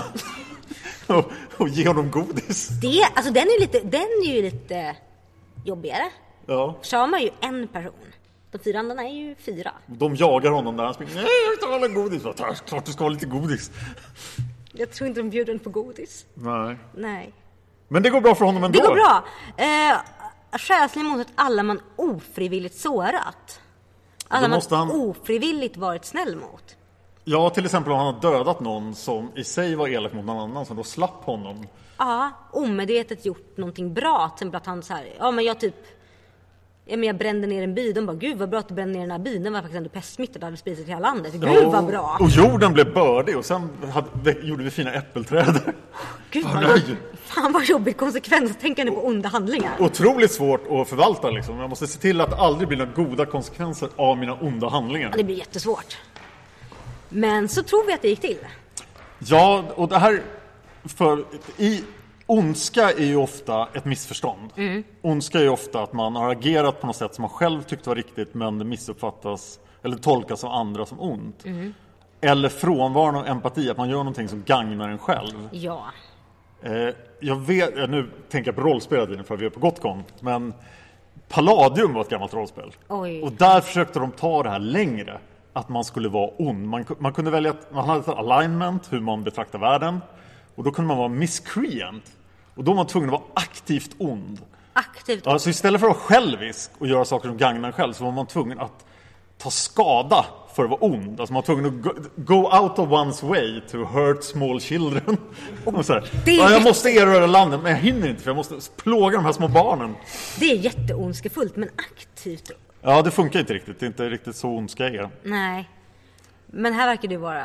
Och jag tror att det här blir väldigt svårt att klara om vi tolkar det som vi gör. Ja. Men Tengil kom ju igenom. För vad sa legenden om vad som hade hänt när Tengil hade gått genom fjället? Det var ett antal gånggångslag. Mm. Och sen Hur många var det exakt? Det var 11. Ja, för här, här har det varit elva slag. Mm. Men kom det inte ett tolfte slag?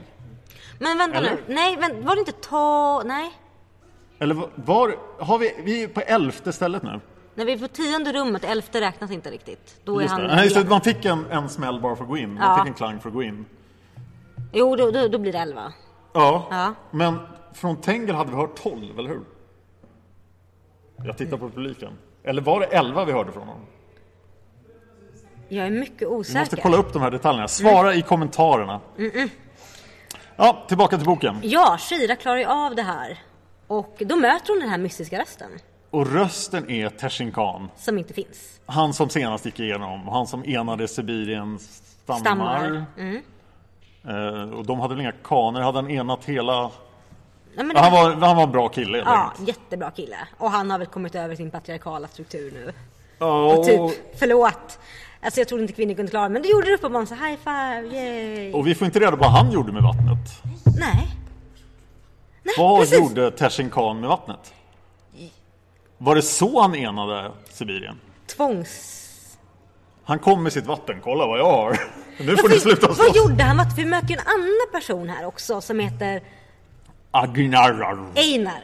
Einar. Och det är inte, det är inte vi som drar ihop namnen, han het, hans namn har blivit hopdraget till Einar, så det är inte vi som bara döper om honom nu. Det här koll- googlade jag faktiskt inte på var namnet Einar kommer ifrån. Vi Det får måste ju- jag kolla upp. Ja. Ja. Men han, det, han gjorde med, det Einar gjorde med sitt vatten var att han hällde ut över tundran så att den blev Han skapade taigan ur tundran. Liksom hela regnskogs... Liksom hela den här barrskogen, alltså att det blir bördigt land. Men vad gjorde Tersinkan med sitt vatten? Ja. Man skulle kunna tolka det som att han lyckades ena folken med vattnet kanske. Men hur då? Ja, det, det är en annan historia. Ja... Ja, det är jätte... Eh, och han, han var ju 600 år gammal vid det här laget, så det här hände på 1100-talet. Mm. Men när härjade Einar? Jag tänker mig att, jag, jag tänkte på det här efter jag hade läst klart. Och om det var när tundran var liksom kall och frostig och det känns som, man är, j- som det här var jättelänge sedan så kanske det var typ någon gång efter förra istiden. Stoppade Einar istiden? Jag kan- Alltså men typ någonting sånt känns som. Och vad gjorde han där uppe? Jag om han vet. var från Norden? Han kanske bara ville resa. Det låter som en väldigt spännande historia. Ja, det är också en fanfic jag vill höra. Grottbjörnens folk Nej. möter isfolket. Nej, nej! Nu ska jag slut på istiden! Följ Einar på sin resa till Karahavet. Nej! Nej, kanske inte. Nej. Vi vill Ja. inte ha den fanfiction. Nej! Det vill vi inte ha. Usch, usch, usch. usch. Ja, och så när man klarat det här, då spolas man ut. Nej, hon fick ju det klara vattnet först. Just det. Och vi fick reda på att det är otroligt plågsamt. Det är det som, det är, det som är mitt argument mot att Tersinkan inte tvingade folk att dricka det här vattnet. För att det verkar vara otroligt plågsamt att bara få det på huden. Det är sant. Ja. Han kanske spred ut vattnet som en lätt dusch över förhandlingarna. Nej. Det skulle ju ingen göra. Det hade ju varit bas- bisarrt om någon kom på den idén. Ja, så att hon får inte dricka vattnet. Vad skulle hända? Får hon reda på vad som skulle hända om hon drack vattnet? Hon har bara fått reda på att hon inte ska dricka det. Andarna typ var så här, vi är lite så här, drick inte vattnet, woo! Drick inte vattnet, det är inget bra. Nej, men vi säger inte varför för att, hej. Men här får du en schysst flaska att ha vattnet i. Men hon spolas ju ut igen och hon är ju totalt sönder. Vilket jättetrist sätt att avsluta sin lyckade quest. Bara, det här det påminner mig om vilse i pannkaka om någon har sett det. När, när folk blir nerspolade i toalett. Va? Ja, Var inte det ett barnprogram? jo, ett fruktansvärt bra program, det ska jag inte gå in på nu. Men gud. Men hon, det känns som att hon blir nerspolad i toaletten. Du har ju gjort jättebra här. Ja men faktiskt lite grann. Bara, psh. Eller uppspolad i toaletten snarare, Ja. för hon är långt ner i berget. Ja, fy fasen. Men hon är ju jättetrasig, hon är trasig både i kroppen, hon har det där såret, hon är trasig i själen, ingenting är vackert, allting är misär, misär, misär, misär. Ja, och hon vill ju i princip dö här. Vilket hon visste att hon skulle komma ut med. Ja. Men nu kommer Mar. Nu kommer Mar. Ja. Mar tycker ju, fast det här med att du ska stoppa den jag faktiskt... Att du stoppar vår onde förfader är ju dåligt, för jag tycker ju om ondska. Så... Mm, Men han gör fortfarande ingenting åt det riktigt. Nej men det är nog för att han är för cool för att göra något aktivt åt det. Han vinner på det här, han bara... Alltså nej. Och så gör hon den här underliga överenskommelsen med honom att Du får döda mig när mitt uppdrag är klart. ja, jag måste göra mitt uppdrag för min pliktkänsla är stor men egentligen vill jag bara dö så du kan få döda mig sen om du tycker det är roligt. Jag förstår mig inte på det där. Och så Mar bara, men då kan jag lösa det så att du, eh, du så här, typ inte kan göra ditt uppdrag längre. Vilket jättekomplicerat sätt att inleda en relation. Ja! Jag säger det igen, folk behöver kommunicera bättre. För ja, hur som helst, hon klarar inte av att utföra ett uppdrag för att... Eh, För att hon ska ju resa iväg med Daniel. Nej! Nej. Hon gör någonting innan dess. Mar ger ju henne... Ja just det, men det är det jag ska komma Ja, till. ja, att det hon, kommer det. för att förbereda det här då så måste de packa ihop och hon ska åka med det här skeppet. Och, men sen kommer ju Mar dit och Vilket är så här konstigt, hon bara kom in! Man bara nej. Inte komma in. Ja, det är konstigt. Men sen har han ju förberett då med en droppe från det goda vattnet på det här dryckeskärlet. Och han vet om den här seden då förstås, för de har ju samma sed att man bjuder alltid på någonting att dricka. Och då bjuder man från gästpåsen. eh, ja! Ja! ja! Varför häller han inte ut vattnet? Jättebra fråga från publiken. För att om hon ändå har typ att det bara, men den står här, varför får man bara inte bara, hepp, nu kan du inte göra någonting. Jag tycker alla agerar jättekonstigt här. Varför har hon inte koll på vattnet? Ja. Varför häller han inte ut det? Jag tror att han, ja men jag tror att Mar vill mest bara få döda Shira för det är uppenbarligen så man, jag vet inte riktigt, han är för cool för att göra saker. Om det skulle vara så att han redan nu har bestämt sig för att han vill ha henne och, och tycker om henne och att han vill att hon inte ska genomföra sitt uppdrag. Kan inte bara För- säga det egentligen då? Ja, det, hela scenen är jättemärklig. Kommunikation. Men det blir ju episkt för att nu kan hon ju göra sitt uppdrag. Hon kan inte göra sitt uppdrag. Nej, Nej. för hon har ju druckit av vattnet. Ja, och hon blir en vanlig människa. Och nu slutar hon vara sådär fladder, fladder, fladder hysterisk. Utan hon blir typ vettig. Vad sa du? Oj, Milo! Ja, just Milo. det! Ja. Bra, tack, tack publiken! Det är precis här, eller hur? Nej, innan vi kommer Innan. ut, när vi kommer ut så Just det, för bestämmer må- sig Milo för det är rape time! Hatar rape time på böcker. Jag tycker verkligen inte det är bra. Nej, Det är inget bra pratelement där vi pratade om innan. så att nu är det dags att ta henne och springa iväg. Och Det känns helt ogenomtänkt också för det me- verkar mest vara någonting han gör bara för att han är uttråkad. Ja, Jag fick inte åka med på coola questen så nu vill jag skriva. och han måste ju inse att folk kommer ju att straffa honom. Ja, precis. Men jag tror han bara skiter i det. Ja, och, och- men han hinner ju som tur är bli straffad innan han kommer någon. Ja, ja, för Mar kommer och bara så här. Just det, Mar blir sur. Han bara, det var ju jag som skulle döda henne. Man bara, det tack, eller va? Eller ja, eller hur?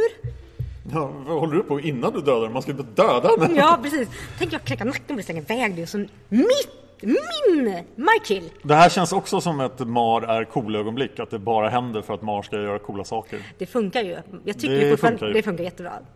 Jag tycker fortfarande Mar är jättecool. Eh, vi missade Shamas överenskommelse med Shire. Nej. Eller hur? Att hon, hon, hon skulle få ta, han skulle få ta henne senare om eh, Mar blev, om han skulle släppa sitt grepp mot Mar. Just det. Just det, för Mar, nej det är det här. Ja. Mar stormar iväg, Mar har dött och Shira ligger där och bara typ jag kommer dö Såret. för s- liksom allting, såret och allting. Och Mar ju- då, Just det, och då kommer, blir Shama tidsstopp igen. Och varför går Shama med på det här? Varför vill han inte bara ta henne? jo men det är ju här man får reda på att han är så ensam. Just det! Det är här man faktiskt får så otrolig sympati från honom. Han bara, jag har ingen, jag är ensam. Eh, jag vill ha någon som går med mig och som hjälper mig i min hobby att samla vackra blommor. Och här får man faktiskt jättesympati för honom. För jag bara så här, jag bara tänker, "Nej, men gud vad tråkigt, vad liksom, vad, vad, vad gnällig han är. Sen bara okej, hur många tusen år har han hållit på med det här? Jättelänge. Och han har alltid varit ensam och de andra fyra andra sitter där borta, världens coolaste klubb och han bara, Och de mobbar honom! men det är lite grann som i, har Han är du, exkluderad! har du sett Wreck-It Ralph? Ja. Ja. Wreck-It Ralph där Ralph han har varit liksom i 30 år varit skurken och sen har de andra sagt typ, "Ah, vi har 30-årsfest här uppe och han bara jag, får inte, jag är inte ens bjuden, jag är också en del av den här världen. Stackars Shama. Jag tycker väldigt synd om honom faktiskt. Så där är liksom så här hela sym- för att jag typ bara åh Sean var det så dum så bara ta min sympati, kom med mig hem på te, det, det är okej. Så att mot att hon kommer att plocka blommor med honom eller jobba i trädgården tillsammans med honom när hon har dött så kan Mar få bli normal. Ja. Och hon, Men hon hinner ju åka innan det händer för nu drar hon ju till Sverige med Daniel. Ja. Och där var där jag började gråta. Ja, varför läser hon på tåget? Men jag var tvungen att läsa på tåget för jag var på väg hit. Ja det är sant. Men eh, ja, när de kommer till Wendel där och, och de träffas till slut och det Och är han jättefint. inser vem hon är. Och, åh, det är jättevackert. Och Det är, ja. Ja, och Mm. hennes brors reaktion också. ja, just det ja. Det var Jättefint. Jag verkligen tänker att han stå- stampar in där liksom direkt från, liksom, från jordbruket, jätteurskånsk och bara Jag tycker det gick alldeles för fort på slutet i boken. Mm. Alla de här scenerna, hon gör hela sin Norgeresa och återkomsten och allting. Det är träffar bara... hela släkten, de avhandlar liksom det här och Daniel är fortfarande, det var bara hallucinationer. Jag bara, men Daniel ditt jävla stolpskott, skärp dig! Ja, mm, mm, det är bara hallucinationer. Och Ingrid bara, absolut, bara hallucinationer. Vad säger du Hölvin? Hölvin är bara, absolut, för trolldom finns inte. Eller hur var det nu här igen? Ja, och det upprepas så många gånger att Ja. jag, jag tycker det är märkligt.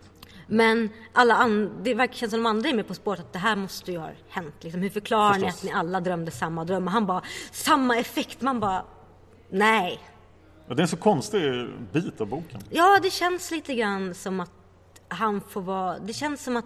Jag, jag, jag funderar här, nu överanalyserar jag. Det känns som att det är någon brasklapp för att vi inte ska, det ska inte ska bli för mycket fantasy i boken. Den fortfarande ska hålla sig på den jordnära nivån. Så jag vet inte om det är Daniel eller om det är liksom själva typ... Men om det här inte har hänt, då blir allting... Ja, och det har ju hänt. Vad har hänt då? Ja, för hon kommer ju ut, hon har ju en skada, hon har med sig flaskan med det klara vattnet. Det har ju uppenbarligen hänt. Ja. Och Daniel förklarar att vi satt och tuggade rot i tre dagar och sen hittade hon en flaska där ute. Man bara va? För den var mer realistisk. Alla satt i Irovars tält och tuggade rot och Irovar lurade i dem saker och sen gick hon ut och hittade en flaska på skräphögen. Ja, bara, woho! Man bara nej. I souvenirshoppen. Så jag vill ju lätt säga vem förklaringen som låter mest orealistisk och det är ju inte Shiraz. Eh, och sen dö, har ju folk dött, eller hur? Vilka har dött? Några hade dött. Jag måste kolla Vilka upp. hade dött? Alv hade dött. Det var Ingrids far, eller hur? Så var det ja. Jon hade dött. Va? Hade Jon dött? Oj. Det... Och han är ju inte gammal väl? Här. Nej. Nej, han är, jätte, han är jätteung. Ja, för Ulfhedin måste ju vara typ 60 nu, eller 65. Tristan har dött också. Tristan! Ja. Det var ju den värsta nästan. Mm. Men Jon måste ha dött väldigt tidigt. Ja. Han måste ha varit 40. Ja, men han var ju inte... Nej, Jon lever. Jon lever! Jon lever. Sorry. Ja. Ingen fara. Jon, Men Tristan. kom Tristan, tillbaka, du lever. Tristan och Alv har gått bort. ja. Det, Tristan tycker jag var lite tråkigt. Det där brukar man ju få i början av böckerna, så jag blev lite chockad här på slutet. När Ja, precis. de Annars måste är ha det ihjäl den folk. här klassiska recapen. Ja. Som de här har dött. Första sidan, det är det jag har lärt mig nu, att då kan jag ta att folk dör. Men sen på slutet, utan att få se det, nej. Inte okej. Inte bra för dina tågresor. Nej. Inte bra. Tillbaka till eh, Sibirien. Ja, och nu börjar jag tycka synd om Mar. För Han står ju och har massa känslor och... Han står där och har känslor, byggt en jättefin eh, Ah! koja, hus, Ja. kåta. Och det är så jobbigt för att så här, jag tänker liksom att han har gått runt med det här liksom, liksom sin coolhet för att skydda sig från hela uppväxten med att han är annorlunda, han kan aldrig få vara med och aldrig få liksom. Och så plötsligt så har Sharma bara, ja ah, men du får gå fri och plötsligt vet han att han aldrig kommer få en del av någonting så det är jättehemskt. Och Plus jättejobbigt. att alla Tarangayer blir dödade av tsaren. Just det, ja, den lilla detaljen också. så Han är Litet ensam kvar. folkmord vid sidan om. Gud, den detaljen var jobbig att läsa om för den har jag glömt bort. Ja, varenda en. Men och så, det hjälper ju liksom när Shira kommer hem men det är fortfarande så här att det är bara de två kvar av hela Tarangai-grenen. Och det här förstår jag ju varför det är nödvändigt för resten av historien, men det är ändå, här dör Tarangai ut. Som vi först stötte på då för två böcker sedan. Så att, För Mar kan inte få barn, Shira kan inte få barn. nej. Nej. Och nej. Jag tycker det är, jätte, jag tycker det är jättesorgligt. Men det är väldigt fint. Hela deras, här har vi en kärlekshistoria som inte är så jätteuppbyggd. Men som relationen mellan Shira och Mar byggs upp väldigt bra. Så när de väl hittar varandra så blir det... Jag sitter bara så här, ja det funkar jättebra! Allting är vackert. Och ja. Det är fint och nu börjar vi verkligen tassa in på det här episka området. Ja. Mm. Eh, barnen kanske vi ska nämna att och där har ju Mar blivit jättesnäll också. Att de Ja. här, Irovar föreslår ja, det finns de här barnen som har det lite jobbigt så att, eh, kan inte ni ta hand om dem? Och Mar bara absolut, Jag, bara, Mm, vi kan ja, göra jag, det. jag kollar på dem. Jag springer runt och tagit hand om alla barn. Ja men det blir så väldigt, det blir som bekräftelse på att han verkligen har ändrats. och kanske får vi följa den linjen lite grann. Kanske, vi kan alltid Det hoppas. skulle vara en grej. Det hade varit coolt.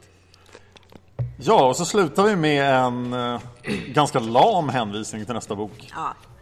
Efter all uppbyggelse vi har haft liksom från, eh, liksom från Villemosagan börjar liksom uppbyggnad, uppbyggnad, uppbyggnad. Så är det så här, eh, hon- det här.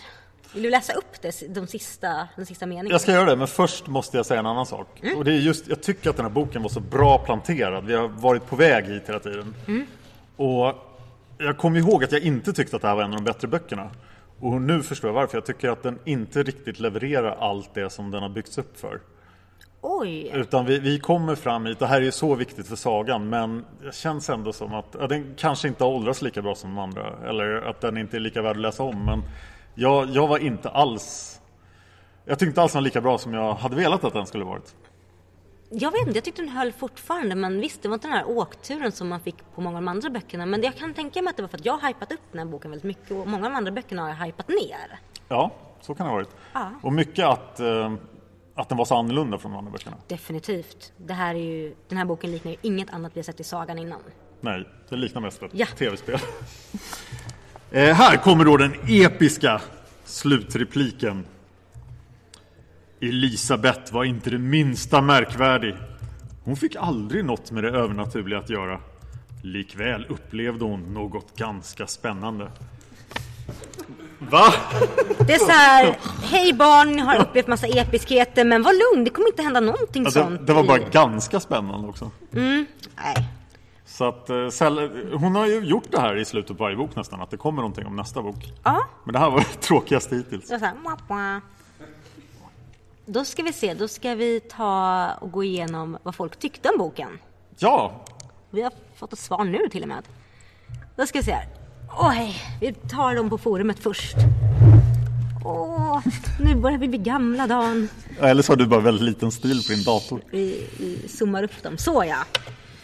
Då hade vi ju frågorna, vad tycker du om boken? Vilket är bokens bästa ögonblick? Vilken är din favoritkaraktär och varför? Och vilken av Shiras prövningar tyckte du var jobbigast och varför? Och första svaret är från mamma Tova.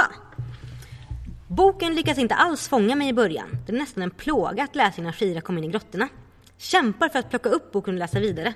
Full av klyschor och annat trist. När det väl kommer till grottorna och efter det så är boken fantastisk. Bokens bästa ögonblick. Scenen när Shira kommer hem till Nor och går upp till Mar och han har blivit en fin kåta till henne och väntar på henne. Faller på knä framför henne och borrar in huvudet i hennes mage. Åh vad söta de är! Kandidat till sötaste kärlekspart ever. Ja, ja, du, får- du får läsa. Jag blir lite tårögd. Favoritkaraktär. Beskrivningen av Mar är fantastiskt bra. Jag ryser ända in i märgen. Jag tror att han blir min favoritkaraktär här. För att han har en så komplicerad personlighet och utvecklingen från ond till hyfsad är fin. Scenen på slutet med Kira är helt underbar. Vilken av Kiras prövningar är jobbigast? Funderar på de man omedvetet sårat eller fåfänga och högmod. De man omedvetet sårat skulle man må så sjukt dåligt av att möta. Men jag väger det mot att balansera på spindelväven där jag skulle vara stendöd efter första steget. Vad är jobbigare? Må dåligt eller dö direkt? Dö direkt. Saker jag reagerar på i övrigt. Daniel har knackigt lärt sig Ninetternas språk, men ordet fyrmänning har han lärt sig. Det är ett ord man använder ofta. Ja, Ninetterna kanske tyckte det var vik- viktigt. Jag finner det inte trovärdigt att Mar överhuvudtaget går med på att hålla facklan från första början. Varför gör han det? Om Ulf Hedin varit med istället för Daniel, så kanske, men nu nej. Och varför inledde andarna med att inte släppa in Mar, när de en gång visste att det var han som skulle hjälpa Kira? Sant. Ja, det var jättekonstigt. Eh, Margit kör ofta stenor på klaustrofobiska fobier. Det är ofta som hon beskriver trängda situationer och platser där man knappt kommer igenom, där syret tar slut. Likaså en av grottorna, återigen för annöd. Slutet på grottorna där Kira ska pressas ut genom en skarv och berget ger lite vika och tynger ner på hela hennes kropp. Jag skulle dö på stört. Jag fattar inte hur Irovar kan lämna Kira till det ödet när andarna kommer den natten hon föds. Han får veta att hon aldrig kommer att kunna älska och att för att kunna rädda ett folk långt bortåt helvete ska hon tvingas genomgå helvetets kval för att sen vilja dö.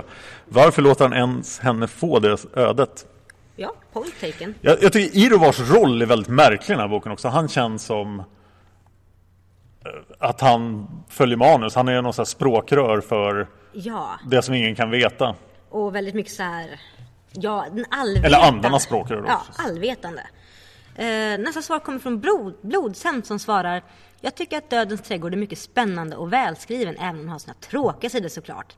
Jag tycker att boken då och då blir lite långtråkig även om det är intressant att läsa om Shiras prövningar. När jag läste boken hade jag inte riktigt hunnit släppa galgdockan än, som jag älskar, och hade inte kommit över Villemo och Dominiks död. Nu har jag bara läst boken viss, en gång visserligen, vilket var för tio år sedan. Ska jag försöka hinna läsa om boken innan nästa vecka och kanske hinna uppdatera mina svar. Så jag måste dubbelkolla. Har hon gjort det? Mm, nej. Icke. Nej. Så jag får läsa vidare. Eh, Intressant att lämna preliminära svar. ja. Det är bättre än inga svar. Bättre än inga svar. Favoritscen är samma som mamma Tova. När Shira kommer till Mars som faller ner på knä och kramar om henne. Den scenen har verkligen tagit sig in i mig och sen jag var 13 har jag önskat mig en sån stark kärlek. Mm. Favoritkaraktär och varför? Daniel måste jag säga. Han är en typisk isfolket-man och svår att inte tycka om. Shira är också en av mina favoriter. Hon verkar vara så god. Vilken av Shiras prövningar verkar vara jobbigast? Att få möta de människor man omedvetet sårar, den var riktigt tung att läsa och gav mig ångest. Bara minnet ger mig ångest. Måste verkligen vara så hemskt. Och Sen har vi... Ja, sen har vi fröken Anna-Maria. Här är mina tankar kring Dödens trädgård. Jag har blandade känslor kring den här boken. Den är otroligt viktig för berättelsen. Från och med nu vet isfolket vad kamper handlar om och vilka uppdrag de har framöver. Därför känns det irriterande att den är så ojämn. Språket är för modernt, även om Margit lägger in brasklappen att det är Daniels återberättade historia som moderniserar det priva- primitiva språket. Daniels tankar om hallucinationer och mentala bilder hör inte hemma på 1700-talet. Som jag tidigare nämnt gillar jag inte förfädernas alltför konkreta uppdykande i historien. Eh, Läs aldrig Häxmästaren. Och att vi får följa deras privata dialog i en annan dimension. Det förtar mycket i berättelsen. Värre kommer det bli framöver, så jag får väl gilla läget. Så fort Kira kommer in i grottan blir historien bättre och Mars kamp med sig själv är väldigt spännande. Bästa ögonblick är Kiras vandring i grottan. Själv funderar jag mycket när jag läste om hur en god människa egentligen ska vara. Allt som Kira ska leva upp till tar ju ifrån henne det som livet handlar om. Att leva livet fullt ut och ta tillvara det. Därför är det så skönt när hon äntligen blir befriad från bördan genom det klara vattnet. Och får vara en riktig människa tillsammans med Mar. Där måste jag inflika att jag gillade väldigt mycket Sarmiks kommentar om just det. När han sa vad En god människa skulle vara. Ja, Han ifrågasatte det här faktiskt. Favoritkaraktär? Svårt att säga. Jag gillar Kira när hon vågar vara lite mer ohämmad. Och jag tycker att Mars karaktärsförvandling är fascinerande. Han är så ond från början att det till och med ligger som froströk runt honom. Men gradvis värms isen upp och blottar en sårbar men ändå stark personlighet. Daniel tycker jag känns ologisk med sina alltför moderna tankar. Svåraste prövningen. Rent fysiskt tycker jag de rullande stenblocken verkar vidrigt. Att börja tänka logiskt så snabbt och samtidigt hålla Panik. paniken stången måste vara oerhört påfrestande. Mentalt är det definitivt att få möta dem jag omedvetet sårat. Dels för att det inte är något jag kunnat styra över själv och att det drabbar någon annan och dels för att det är så svårt att gottgöra det i efterhand. Tack för mig och lycka till med livepodden. Tack fröken Anna-Maria! Så, ta, så har vi Irja Nifs som skriver, jag har, det är norska. Ja. Eh, Jag har många favoriter i Sagan om Isfolket. Jag kommer, jag kommer aldrig till att kunna nöj, säga en, men Dödens trädgård är definitivt en av topp 10. Jag tycker kanske första delen fram till att Daniel kommer till Nor är lite långtråkig, men annars är det en superbok i mina ögon. Det definitivt bästa ögonblicket är när Wendel möter Shira och när Shira kommer tillbaka till Nor och dyker upp hos Mar vid det nya huset. Ja, ja, hus och hus, koja var det väl. Det är ett sånt ögonblick man inte riktigt vet om man ska gråta eller skratta. Mm. Favoritkaraktär? Ingen kan ju tycka illa om Daniel eller Irvar, men Mar är nog min favorit. Han är skicklig skummel. Gah, vad betyder det? Eh, ja, En riktigt skum en. Förlåt, jag... jag, jag, jag han jag- är jag- riktigt läskig. Ja, och jag vrider mig nästan i obehag när jag läser om han, honom av och till. Men han förändras så till de, till, han förändras så mycket och sliter så med det. Mari är riktigt kul. Shira är också självklart en favorit. Eh, prövningarna då. Det måste vara den sista där hon möter det som hon omedvetet har sårat. Eh, tänk er hur, när Kira möter så många, hur många skulle vi vanliga dödliga möta? Jävligt många.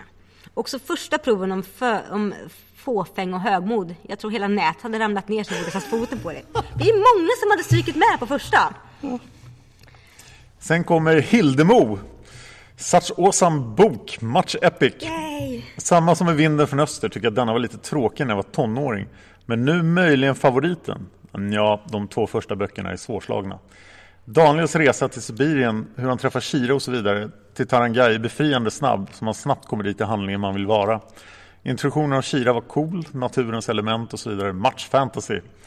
Jag gillar känslan av det övernaturliga. Väl framme i Tarangai var det skönt med lite action. Det var spännande när Mar och Kira klättrade runt för att förhindra de onda fångryssarna. Det kändes rimligt att Mar försökte döda Kira. Episoden med Shama var cool, oerhört häftigt skrivet. Kanske lite märkligt val av antagonist i denna mellandelen av boken. Onda randomfångar. Men det var ju bra att vägen till källan var strapatsfull och spännande. Annars hade det nog känts trits, trist. Inne i grottan var ju bara episkt. Jag älskade första rummet när hon höll på att trilla genom nätet hela tiden. Kändes sjukt jobbigt. Med facit i hand kanske lite för jobbigt eftersom det nu inte blev någon uppbyggnad med de kommande rummen. Vilket ju, de var jobbiga men efter den första gastkramande episoden så var man redan på max. Och sen var nivån liksom jämn. Jag minns knappt de andra rummen nu på grund av den initiala chocken. Shamarummet var coolt. Där hade han uppenbarligen kontroll över Mar, så han sänkte flacklan. Jag tycker nog att Shama borde kunna besegra Shira här. Hade gärna sett att hon lurade besegrade honom. Tänk Bilbo med sina gåtor hos Gollum.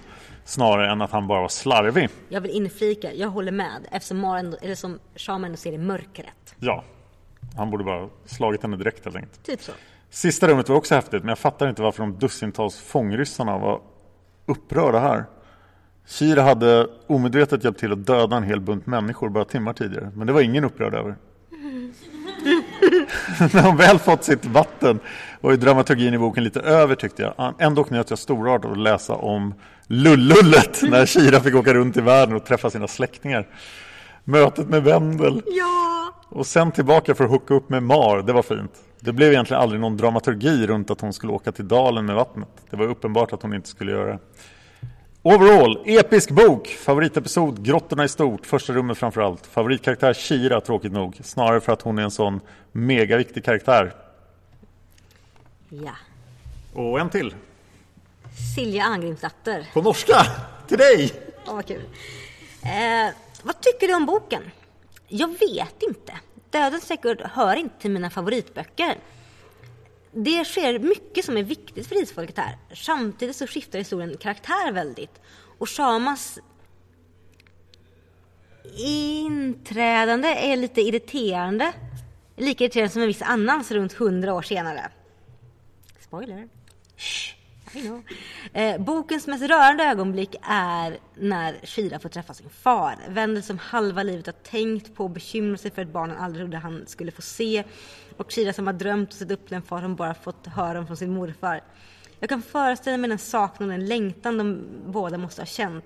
Det är så fint när hon äntligen får krypa in i armarna på honom och båda gråter av glädje. Ja, det är jättefint. Eh, favoritkaraktär? Eh, lite osäker, men dels Shira och dels Daniel med Mar som en liten outsider. Shira är ju huvudpersonen och den som, alla måste, den som måste gå igenom alla pröv, prövningar. Daniel är förbindelseredet till det isfolk vi känner, vi har lärt känna tidigare. Ja, det är sant. Boken utan Daniel hade ju varit väldigt märklig. Ja. Mar är ganska...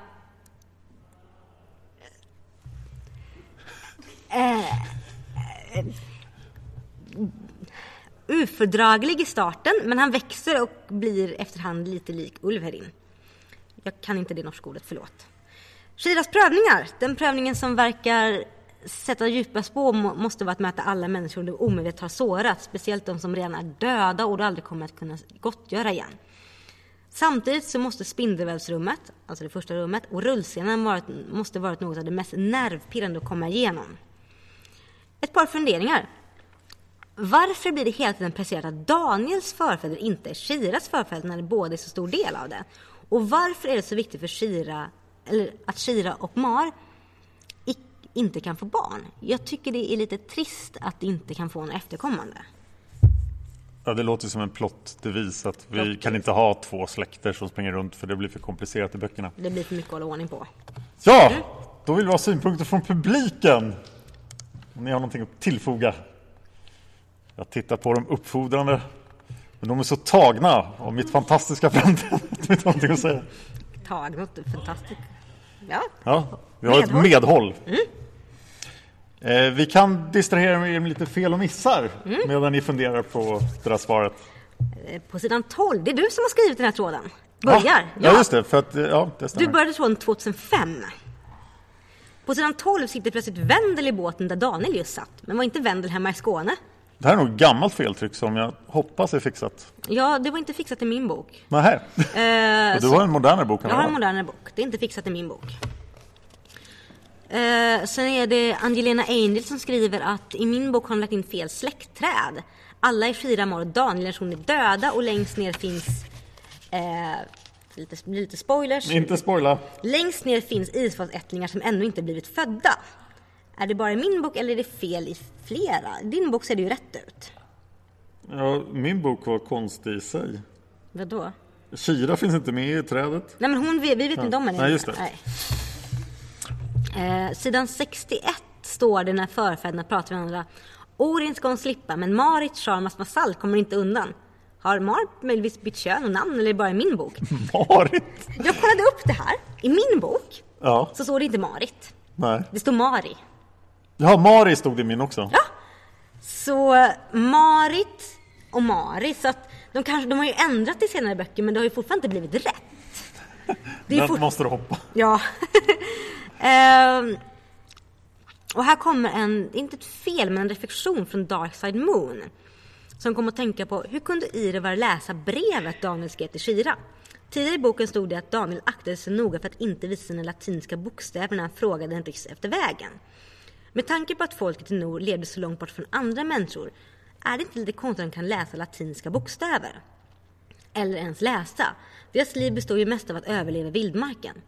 I och för sig så hade ju Ivar varit ute i världen när han var fånge men om han lärt sig läsa och skriva när han var fängslad så är det inte latinska bokstäver han lärt sig. Är inte det riktiga problemet här att hur ska Kira kunna läsa brev som Daniel skrev till henne? Oj, det tänkte inte jag på! Hon lär väl aldrig ha lärt sig läsa? Nej! Eller han kanske har lärt henne läsa ryska? Fast varför ska han lära henne läsa ryska? Fast om man lär sig henne ryska så är det ju fortfarande inte latinska bokstäver. Nej, Oj! Ja, det var konstigt. Det var många fel i det. Mycket glaslott som sprängdes där. Ehm, och det där, ja. Och Silja Arngren säger, du kan läsa det så kan jag kolla i boken. Fick jag norskan på halsen. Oh ja.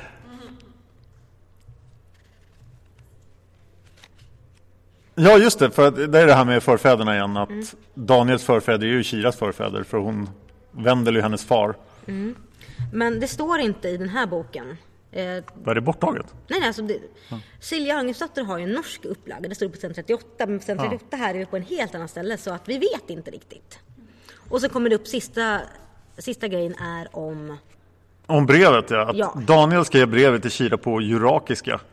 Men med ryska bokstäver som han visste att Iroar kunde tyda. ah, tidigare i boken skrev han noteringar för sig själv.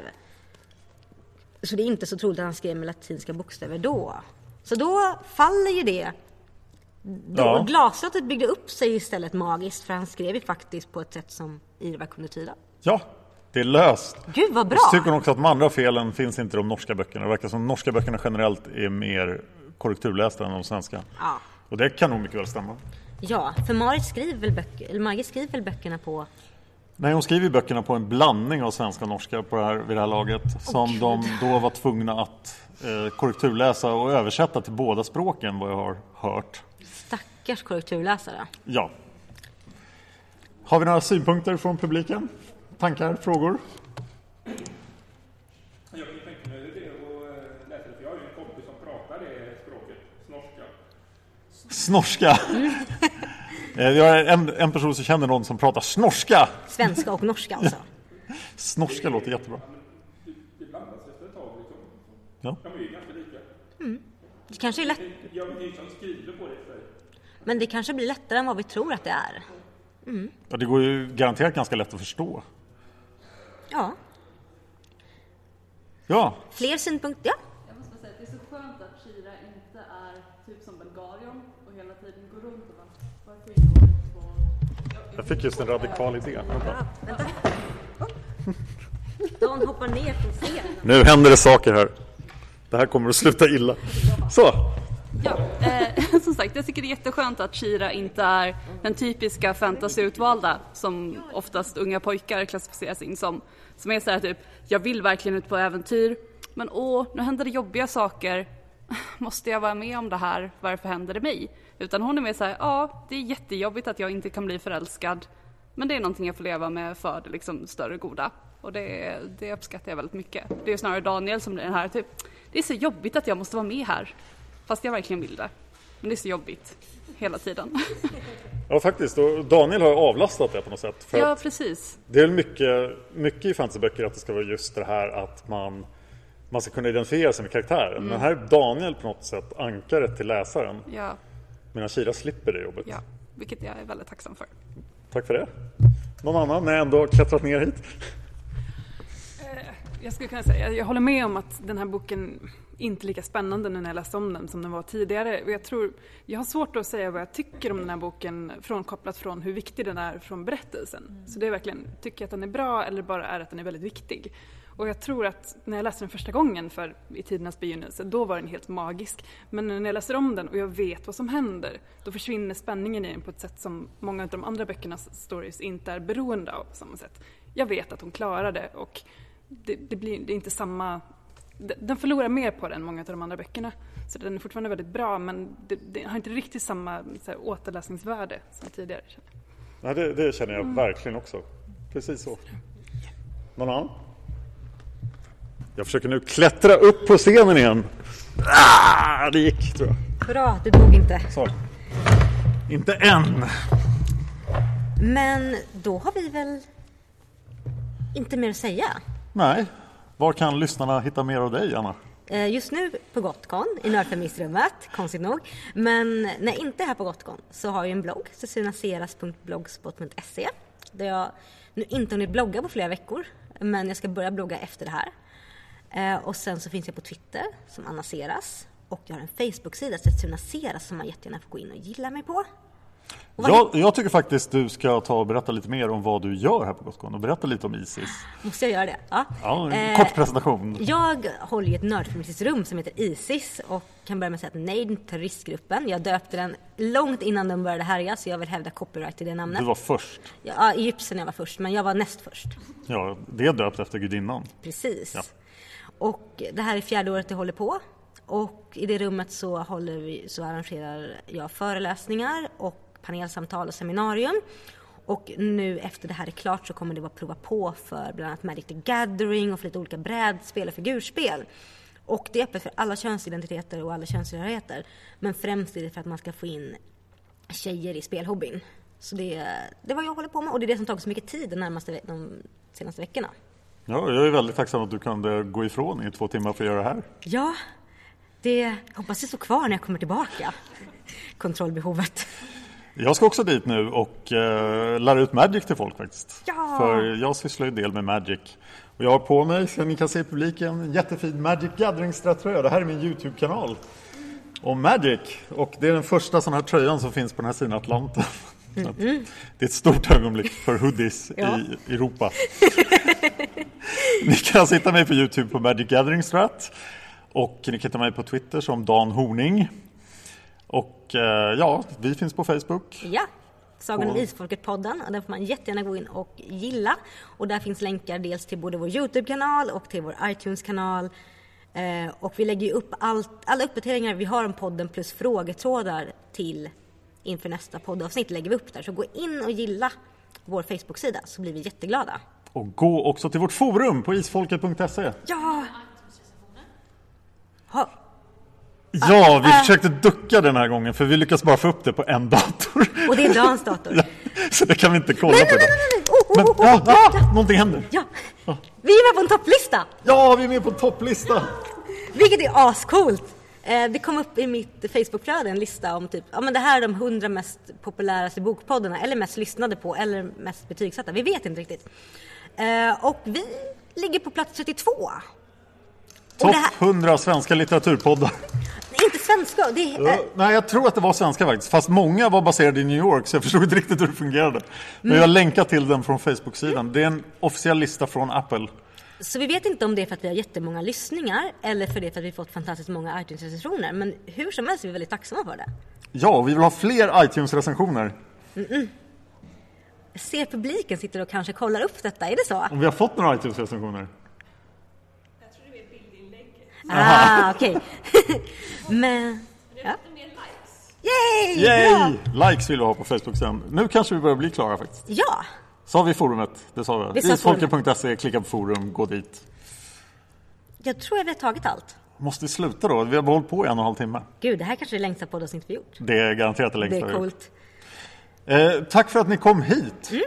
Fantastiskt kul att ha liksom, någon som ser vad man gör. Ja, Det är ganska ensamt att göra podcast. Så man sitter hemma och bara, "Eh." Så ser man liksom, ja, någon har sett det här, men- eller någon har lyssnat på det. Men, det är väldigt kul. ja. Så här. Och nu tar vi ju paus i fyra veckor. Ja, just det. Det Mm. måste jag informera om. Ja. Vi hotade ju förut med att komma ut var tredje vecka, men det kommer inte att hända. Vi kommer fortsätta komma ut varannan vecka. Vi har lyssnat på alla som sa nej, två veckor, ni måste, ni måste. Och alla var väldigt rörande överens om att två veckor var Jag tror bra. inte någon sa tre veckor. Men eh, Anna ska åka på smekmånad till Japan. Yay! Och då vill hon inte podda. På någon väldigt konstig tid skulle det bli. Ja, Så vi hoppar över en gång så att nästa podd kommer om fyra veckor. Men därefter kör vi varannan vecka som förut. och sen kör vi hela vägen sagan ut. Hela vägen till, eh, ja, 47. till vi börjar undra om det är någon där ute. Ja, det kanske det är. Eller inte. Sen så får vi se. Vi, vi överväger att fortsätta. Vi, vi vet att efter bok 47 så kommer vi att göra några avsnitt som av lite allmänna isfolksämnen. Mm. Sen funderar på, är podden tillräckligt populär? Och vi har fått tillräckligt många iTunes-recensioner. Så kommer vi att göra Häxmästaren i Usels rike. Mm. Jag vill göra Svarta Riddaren. Oj, det här kommer aldrig att sluta. Det är två år att göra bara isfolksaga. I know. Så, men nu har vi ballat ur igen. Ja, Men då säger vi hej då allihopa och tack kära publik för att ni var med oss. och nästa gång blir det ganska spännande med Elisabeth. Ska vi gå bakom fasaden då? Ja, det tycker jag vi gör. Då gör vi det. Ha det bra! Hej då!